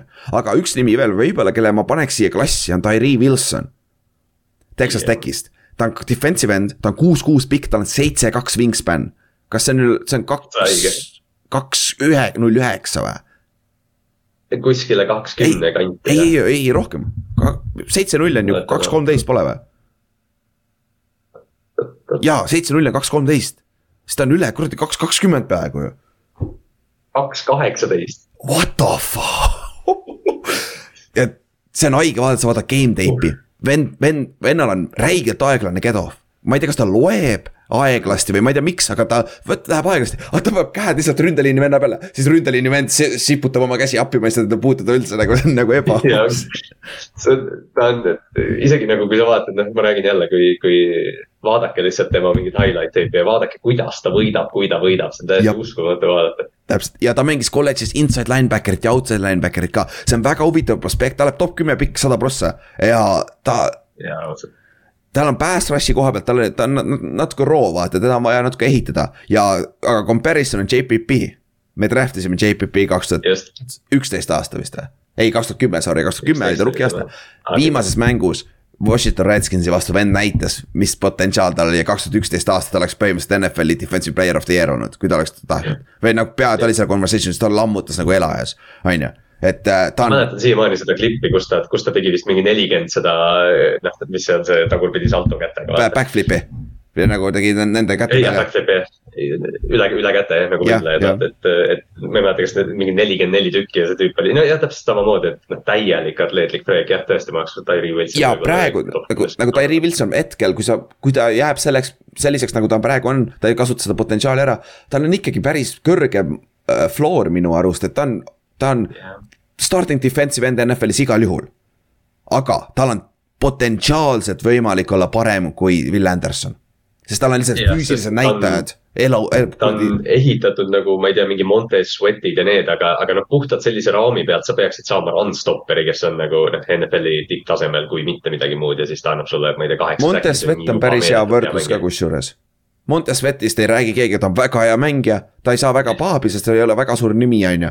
aga kurat, ta on väga hea mängija, et see on ka. ta on et... kõige vähem tuntum nimi Washingtoni kaitseliinis ja minu arust on kõige parem pass rusher seal, nii et. Et selle, selle koha pealt äh, nagu Tyrese Wilson on ka seal ääre peal, blue chip, võib-olla ei ole päris blue chip, aga ma yeah., mina paneks ta sinna klassi ka sisse overall, overall top kümme mängija kindlasti. jah, täpselt, täpselt äh,. Lähme käime korra interiori juures veel läbi, seal on Brian Breezy ja Elijah Cansey. Cansey, kuna me rääkisime enne Aaron Donaldist, siis äh, noh, Cansey on nagu otsene võrdlus Aaron Donaldiga. samas koolis ka, aga mine vaata ta game tape'i. ta kaalub kakssada kaheksakümmend poundi väidetavalt. jõu, ta näeb välja nagu mina ma olen kakssada viiskümmend poundi ja saab, ta mängib sama positsiooni, vaata seda, ta on nii peenike seal selle suurte ründeliini vendade vastu, ta on nii peenike. aga kurat, vend on, vend on crafty raisk, saab sealt vahelt läbi päris hästi tegelikult vaata. jaa, nagu Gino Atkins võitis ka, et Aaron, Aaron ei ole, Aaron Donald ei ole erand, vaid nagu noh, neid väikseid kutte on veel ennegi. aga, et äh, Gansi on pigem, ta on äh, situational pass rusher inside'is et iga down player tast vist NFL-is ei saa mitte kunagi, sest ta, sest ta raam on tõesti väike. Aaron Donaldile sa saad ka ette heita seda, kui sa power run'i jooksed tema peale ta stabiilselt ei suuda seda peatada, sest tal ei ole seda ankru võimalust, ta split ib neid double tiim'e päris hästi, aga ta ei suuda seda regulaarselt teha. Yeah.. ja on, on mänge, kus sa lõikad lihtsalt Aaron Donaldi NFL-i viimase kümne aasta kõige parem mängija, aga JJ Watt ka võib-olla seal conversation'is on ju. aga, aga see, see on nagu liability jooksumängus, kui sul on power ründe, ründe vastu vaata, et. et selles... kui su, kui su kaitseliini mängija võidab, võidab väledusega, siis talle saab noh, selles mõttes sõna otseses mõttes või noh, nagu peksa anda natukene, kui sa otse tema peale jooksed just. Ja tema arvatavasti esimese raundi lõpus võib-olla, aga pigem ma ei tea, võib, samas ma arvan, ta tuleb esimeses raundis ära ikkagi kuskil esimese raundi lõpul. ma arvan ka ta on first rounder, eriti seal lõpus, vaatame, kuidas need Devonte Wyattid ja neid vaata draft'id siis kakskümmend neli ja need, et. aga teine vend, Brian Price'i, kes on, kes on, ütleme, potentsiaalikam isegi võib-olla rohkem, kuna tal on, kuna tal on lihtsalt see. jällegi me räägime sellest füüsilisusest kaitseliini juures, aga tal on see ka olemas tal, tal on suurus olemas, tal on kaal olemas, kõik on olemas, ta võib olla every down kaitsemängija, kaitseliini mängija, ta võib ka natuke mängida five tech'is, ta võib olla ka kolm-neli defensive end, on ju aga, aga muideks, ta, ma räägin teile kähku, sest niikuinii paljud ei tea sellest. sul on üldjuhul NFL-is on ju, sul on neli-kolm kaitse, front on ju ja kolm-neli kaitse on ju, lihtne. esimene number tähendab mitu kaitseliini mängijat sul on ja teine, teine number tähendab mitu linebacker'it sul on, on ju. kolm-neli kaitses, outside linebacker on põhimõtteliselt Von Miller, see on edge player tegelikult yeah nagu defensive end tegelikult, aga ta on nagu stand-up, ta on nagu hübriid. aga kolm-neli kaitses sul on Miles Garrett, eh, neli-kolm kaitses sul on defensive end Miles Garrett, vaata. tegelikult Miles Garrett ja Von Miller on tegelikult erinevad mängijad, on ju. aga isegi kui me räägime sellest, et sul näiteks Giants jookseb kolm-neli pace'i ja kes jookseb neli-kolme, San Francisco jookseb neli-kolme näiteks, on ju. aga NFL mängib vähemalt kuskilt kuuskümmend protsenti snappidest mängitakse äh, nickel defense'i, mis tähendab, et sul on üks linebacker väljakult ära, tuuakse üks äh, ekstra defensive back sisse, sest et visatakse nii palju. ja nickel defense'is sa ei mängi kolm, kolm, äh, sa ei mängi three stack'i sa ei mängi NFL-is nagu mingi kolledžis või kuradi high school'is.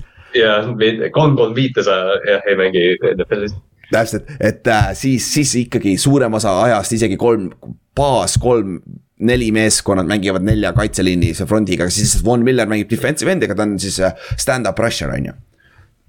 et lihtsalt. jah, et isegi kui meeskonnad on, kui isegi kui meeskond on, tead, noh, me oleme kolm-neli, meil on kaks middle linebacker'it, kõik see, noh, kasvõi nüüd ma võtan lihtsalt Baltimoori näite, et noh, et neil on suur kaitseliin, kaks linebacker'it ja siis kes iganes need äh, edge rusher'id on. aga on nii palju olukordi, kus näiteks Matt Jude on aastaid tagasi, nad toovad ta lihtsalt kaitseliini ja ta suudab Jep. Äh, mängida hand in the dirt samamoodi, et, et jah, tõesti see kaits-, kui me oleme, kui sa oled õppinud NFL-i aru saama läbi mingi Madeni defensive playbook'i, nagu me paljud ilmselt oleme.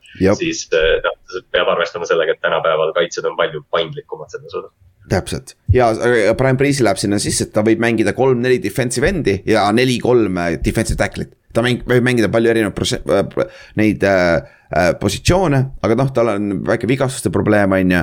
ja ta on natuke limiteeritud, ka ta on roo, vaata, aga tundub, et ta aga tast ikka räägitakse ka päris kõrgelt tegelikult, et esimeses raundis läheb minema arvatavasti. no ja eelmine aasta valiti üsna sarnase profiiliga mängija number üks, Trayvon Walker Jacksonville, et äh, kes noh, okei okay,, Walker oli noh, jah, samamoodi atleetlik, et, et jah, ma arvan, et Brice ei kuku ka kaugele selles mõttes, et me näeme, me näeme teda ka päris kõrgel võtame, võtame kiirelt veel mõned, mõned pass rusher'id läbi uh,. Lukas Van Ness, Nolan Smith, Miles Murphy, kolm suurt nime, samamoodi, kõik on minu arust first rounder'id uh,. Nolan Smith tegi täiesti haige combine performance'i, kus ta jooksis neli, kolm, üheksa ja hüppas nelikümmend üks pool intši, et. et noh, tema, tema, ta kaalub vähe pass rusher'i kohta, aga see, mis ta suudab teha, on, või noh, ta suudab kõike teha välja. ja, ja ta on, ta on nüüd natuke kergem, ta on rohkem Von Milleri tüüpi, vaata, ta on rohkem nagu outside, outside linebacker, edge player ikkagi, aga ta on, sest et ta vend, kes võib olla liability jälle jooksu vastu on ju NFL-is. aga noh, seal ääre peal ei ole see nii suur probleem, kui seal keskel, keskel on see suurem probleem. kui sul on, kui sul on linebacker'id näiteks, kes, kes koristavad run game'i paremini, et kui sa, kui sa saad lasta Nolan Smithil olla pass rusher ja mitte käskida talle, et kuule, et nüüd muretse jooksu pärast nii palju, siis, siis sul on, siis tal on palju lihtsam mängida jaa, et, et selle koha pealt see on ja Lukas Van Ness on huvitav mängija, ta võib mängida ka sees tegelikult D-tackli peal, kui ta ei toimi, sest vennal on üks parimaid panna push pull rush'e üldse, vend on nagu elaja, sõidab ja. mulle, mulle meeldib Lukas Van Ness sellest ja, ja tal on räige, räige jõud, kõik on olemas, pass rush move'e väga ei ole, aga türa vend on räige mootoriga. ja halvimal juhul sa mängidki three tech'ina teda, nagu sa mängid sees tegelikult, ta on, ta on nagu. ja ta on soliidne, ma sa, sa oled kirjutanud comparison'iks Justin Smithi ja kohe, kui sa näed Justin Smithi nime, siis nagu, et aa ah, okei okay,, davai, teeme. lebo jah, et ta oligi kolm-neli defensive endi tegelikult Justin Smith oli ju. ta oli tegelikult D-tackle vaata, tegelikult base passis. Aldon Smith tuli, Aldon Smith tuli tema kõrvalt seal San Francisco kaitses, see oli täiesti pöörane kaitse, mis seal. ja, aga Luka, Lukas Van Ness on ka huvitav mängija, ta ei ole kunagi olnud full-time starter Aja vastu, see on üks suuremaid nokke, mis tal on, aga see on nagu muidu, noh, muidu on, muidu on hea. siis uh, Miles Murphy. ja Miles Murphy ja ta on nüüd Tremont Walker, Rashad Kerry, see on elajas, ta on friik nagu, ta on nagu Brian Breezy, aga ta on defensive end nüüd põhimõtteliselt nagu. aga, aga tal on huvitav karjäär olnud kolledžis, ta oli, kui ta oli äh, freshman kaks tuhat kakskümmend aasta ta oleks top kümme pikk olnud, nagu kindel laks, ta oli lihtsalt sihuke elajas. Ja nüüd kahe lisa, kaks aastat peale seda kurat, suht sama tase nagu väga ei ole sammu edasi võtnud, et väga huvitav nagu, mis toimub nagu. et ta kõige parem aasta oli esimene aasta kolledžis nagu Murphy, jah, Murphy't ma mäletan eelmise aasta draft'is samamoodi nagu me, või noh, mitte päris nagu samal tasemel kui Carter eelmine aasta oli, aga, aga Miles Murphy'st räägiti juba eelmine aasta, et kuule, tead, kui Murphy välja tuleb, aga, aga tõesti, ta ei võtnud seda sammu, mida oodati aga võib-olla on asi selles, et ta pole, et noh, kui sa ta NFL-i professionaalsesse ruumi paned, siis ta võib-olla teeb seda sammu, eriti kui, kui noh, ta peab, ta ei pea nii palju tegema, kui tihtipeale need mängijad kolledžis peavad tegema. ja ma ise ausalt öeldes võtaks Miles Murphy üle nende kahe, Nolan Smithi ja Lukas Van. Nessi mm.. kusjuures minu meelest tal on mm. nagu see ceiling kõrgem ja ta saab olla, ta on ideaalne ta sobib kaitseliini, ta on, ta on kaitseliini suurusega, Nolan Smithi mul veits hirmutab ta suurus ikkagi tegelikult. et sul peab olema hea skeem, et seda natuke varjata Smith on minu jaoks näeb välja nagu mingi umbes Maiko Parsonsi stiilis, aga ta ei ole Parsons, noh, sest keegi ei ole. ta oli, oota, ei, ta on, oota, kuskil ma kuulsin, ta on nagu Maiko Parsons, aga ta karjäär, Maiko Parsonsi karjäär oli vastupidi. ehk siis, kuna Nolan Smith mängis, mängis defensive end'i, ta võib kolledžis mängida inside linebacker'it tegelikult või NFL-is, sorry. ta võib mängida linebacker'it ka tegelikult puht, puhtalt, mitte pass rusher'it siin et, et.... jah, kui ta, kui ta saab positsioonist aru ja, ja, ja Maika oli täpselt vastupidi, Penn State'is ta oli middle linebacker. täpselt, et see on nagu haige, aga noh, siin on veel noh, mõned, siin on veel nagu BJ Oshulari läheb ka sinnasamasse gruppi. Nolan Smithi ja Will, Will McDonald ka teises raundis peaks tulema. BJ Oshulari on siis Aziz Oshulari Giantsi praeguse defensive end'i vend samamoodi ta on väga väike, ta on sihuke tweener natukene vaata, see on nagu pass rush'i spetsialist NFL-is, et. et nagu kusjuures Aziz. kes ta päriselt on. Aziz on täpselt see, mis ma arvasin, ma mäletan, kui ta välja tuli, ta oli kõige parem puhtam pass rusher yeah.. kui ta on terve, ta on kuradi hea pass rusher, aga jooksu vastu kurat läheb keeruliseks ikka nagu. ja täpselt ongi, jah, Ojelari oli meil, oli meil mõlemal lemmik ja minu kahjuks sinu õnneks sa saad iga nädal teda jälgida. täpselt, et, et selle koha pealt. aga nagu kas kas sul on veel jah, sorry, lõpeta ära muidugi. üks asi, me räägime nose tackle itest ka, Masi Smith. Masi Smith, see poiss on Michiganist, elajas, ta oli äh, Bruce Fieldmani Freaks listis eelmine aasta. mis on nagu, see on nagu atleetliku friik, ta on nagu e täiesti haige, söge vend minu meelest ja ideaalne tackle. vaatan, kas ma leian selle Freaks listi üles, aga see on, see on naeruväärne see kirjeldus sellest, ma vaatan. ja, ta ei ole käe, pass rush ida ta ei oska ta teeb mängu väga koledaks, ta möllab seal keskel selle sentriga, paganama, Dexter Lawrence, Christian Wilkins, ta on selle klassi vend. et Masi Smith nagu ma arvan, et, et teises raundis keegi tahab nõus tacklit saada. ja, Bruce Feldman jah, nagu sa ütlesid, on Athleticust kirjutab siis iga aasta Freaks listi, kus on jah tõesti siis kõige atleetlikumad tüübid ja siis siin on kirjas, et äh, Masi Smith teeb kakskümmend kaks kordust bench, bench press'i peal, aga see on kolmesaja kahekümne viie poundiga, mitte kahesaja kahekümne viiega. Close grip bench on viissada viiskümmend poundi, vertical jump on kolmkümmend kolm intši, broad jump on üheksa feet'i ja peaaegu, peaaegu kümme feet'i uh,. neli koma neli üks shuttle. Ja see tüüp on, oota, mis ta nüüd, mis ta mõõdud nüüd üldse. kolmsada kolmkümmend seitse poundi oli, kui ma ei eksi või? jah täiesti nagu noh, see tüüp on, ma ei tea, Vita Veia taseme, jah, nagu sa ütlesid. jaa, Vita Veia, oh, Vita Veia on hea võrdlus jaa, väga hea võrdlus, Vita Veja mm. -hmm. suur lihtsalt elajas, paned ta kaitse keskele ja kõik muu selle ümber, me mõtleme selle peale hiljem, meil on Maasi Schmidt keskel. ja, ja üks vend veel, kelle ma unustasin öelda, ma tahan Felix An-, Anu, Anutike Usoma. Defensive end, teises raundis arvatavasti läheb. aga ta on kõige suurema production'iga välja arvatud Will Anderson, Will Andersonil oli ka väga suur production, aga viimase kahe aastaga tal on räigelt hea production olnud kolledžis. mis tähendab, et tal, tal see põrand peaks olema väga kõrge. et sa peaksid saama väga hea defensive end'i, võib-olla mitte superstaar, on ju, aga väga hea defensive end'i endale äh, teises raundis. et äh, kui mitte esimese raundi lõpus isegi, et äh, mulle nagu ta, ta teip räigelt meeldib et see, see on nagu ma, ka üks nimi. ma pean ka rohkem Felix, Felix Anudike Usoomat vaatama, sest ma ei ole temasse ausalt öeldes süvenenudki ma lihtsalt, ma, ma lugesin ta profiili läbi, hoopis hea vend, vaatasin highlight'i ka, oi kurat, päris hea vend niimoodi see käib, mul, mul pole terve. nagu noh, see on nii, sest me võiks meil siin selles mõttes meil endal mängijad nimekirjas, põhimõtteliselt me oleme nüüd kõik läbi käinud, Will Anderson, Jalen Carter ja kõik siis need Lukas Van Nessid, Tyree Wilsonid, keda me mainisime Äh, et lihtsalt, lihtsalt ma, mulle nagu nii meeldib see, et noh, siin me saame sinult seda analüüsi vaata, sest sa oled, sa oled meil ikkagi ülikooli NCAA kogemusega pass rusher.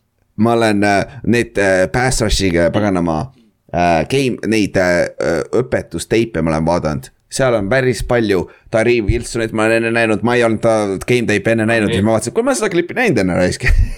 Siis Will Andersoni on seal sees, päris palju Jalen Carterit on seal sees, et nagu. kas on paremaid komplimente, paremaid komplimente pass rusher'ile kui see, et ma vaatan teach tape'i, kus on, kus on seesama tüüp, vaata. täpselt, täpselt. Wow aga, aga ma olen ka ühes oma, oma kaitseliini coach'i teach tape'is, ma tean, ma split isin ühe double team'i kõige ilusam double team'i split üldse raisk. nagu ma tean, ma olen vähemalt seal teach tape'is sees, kui mitte midagi muud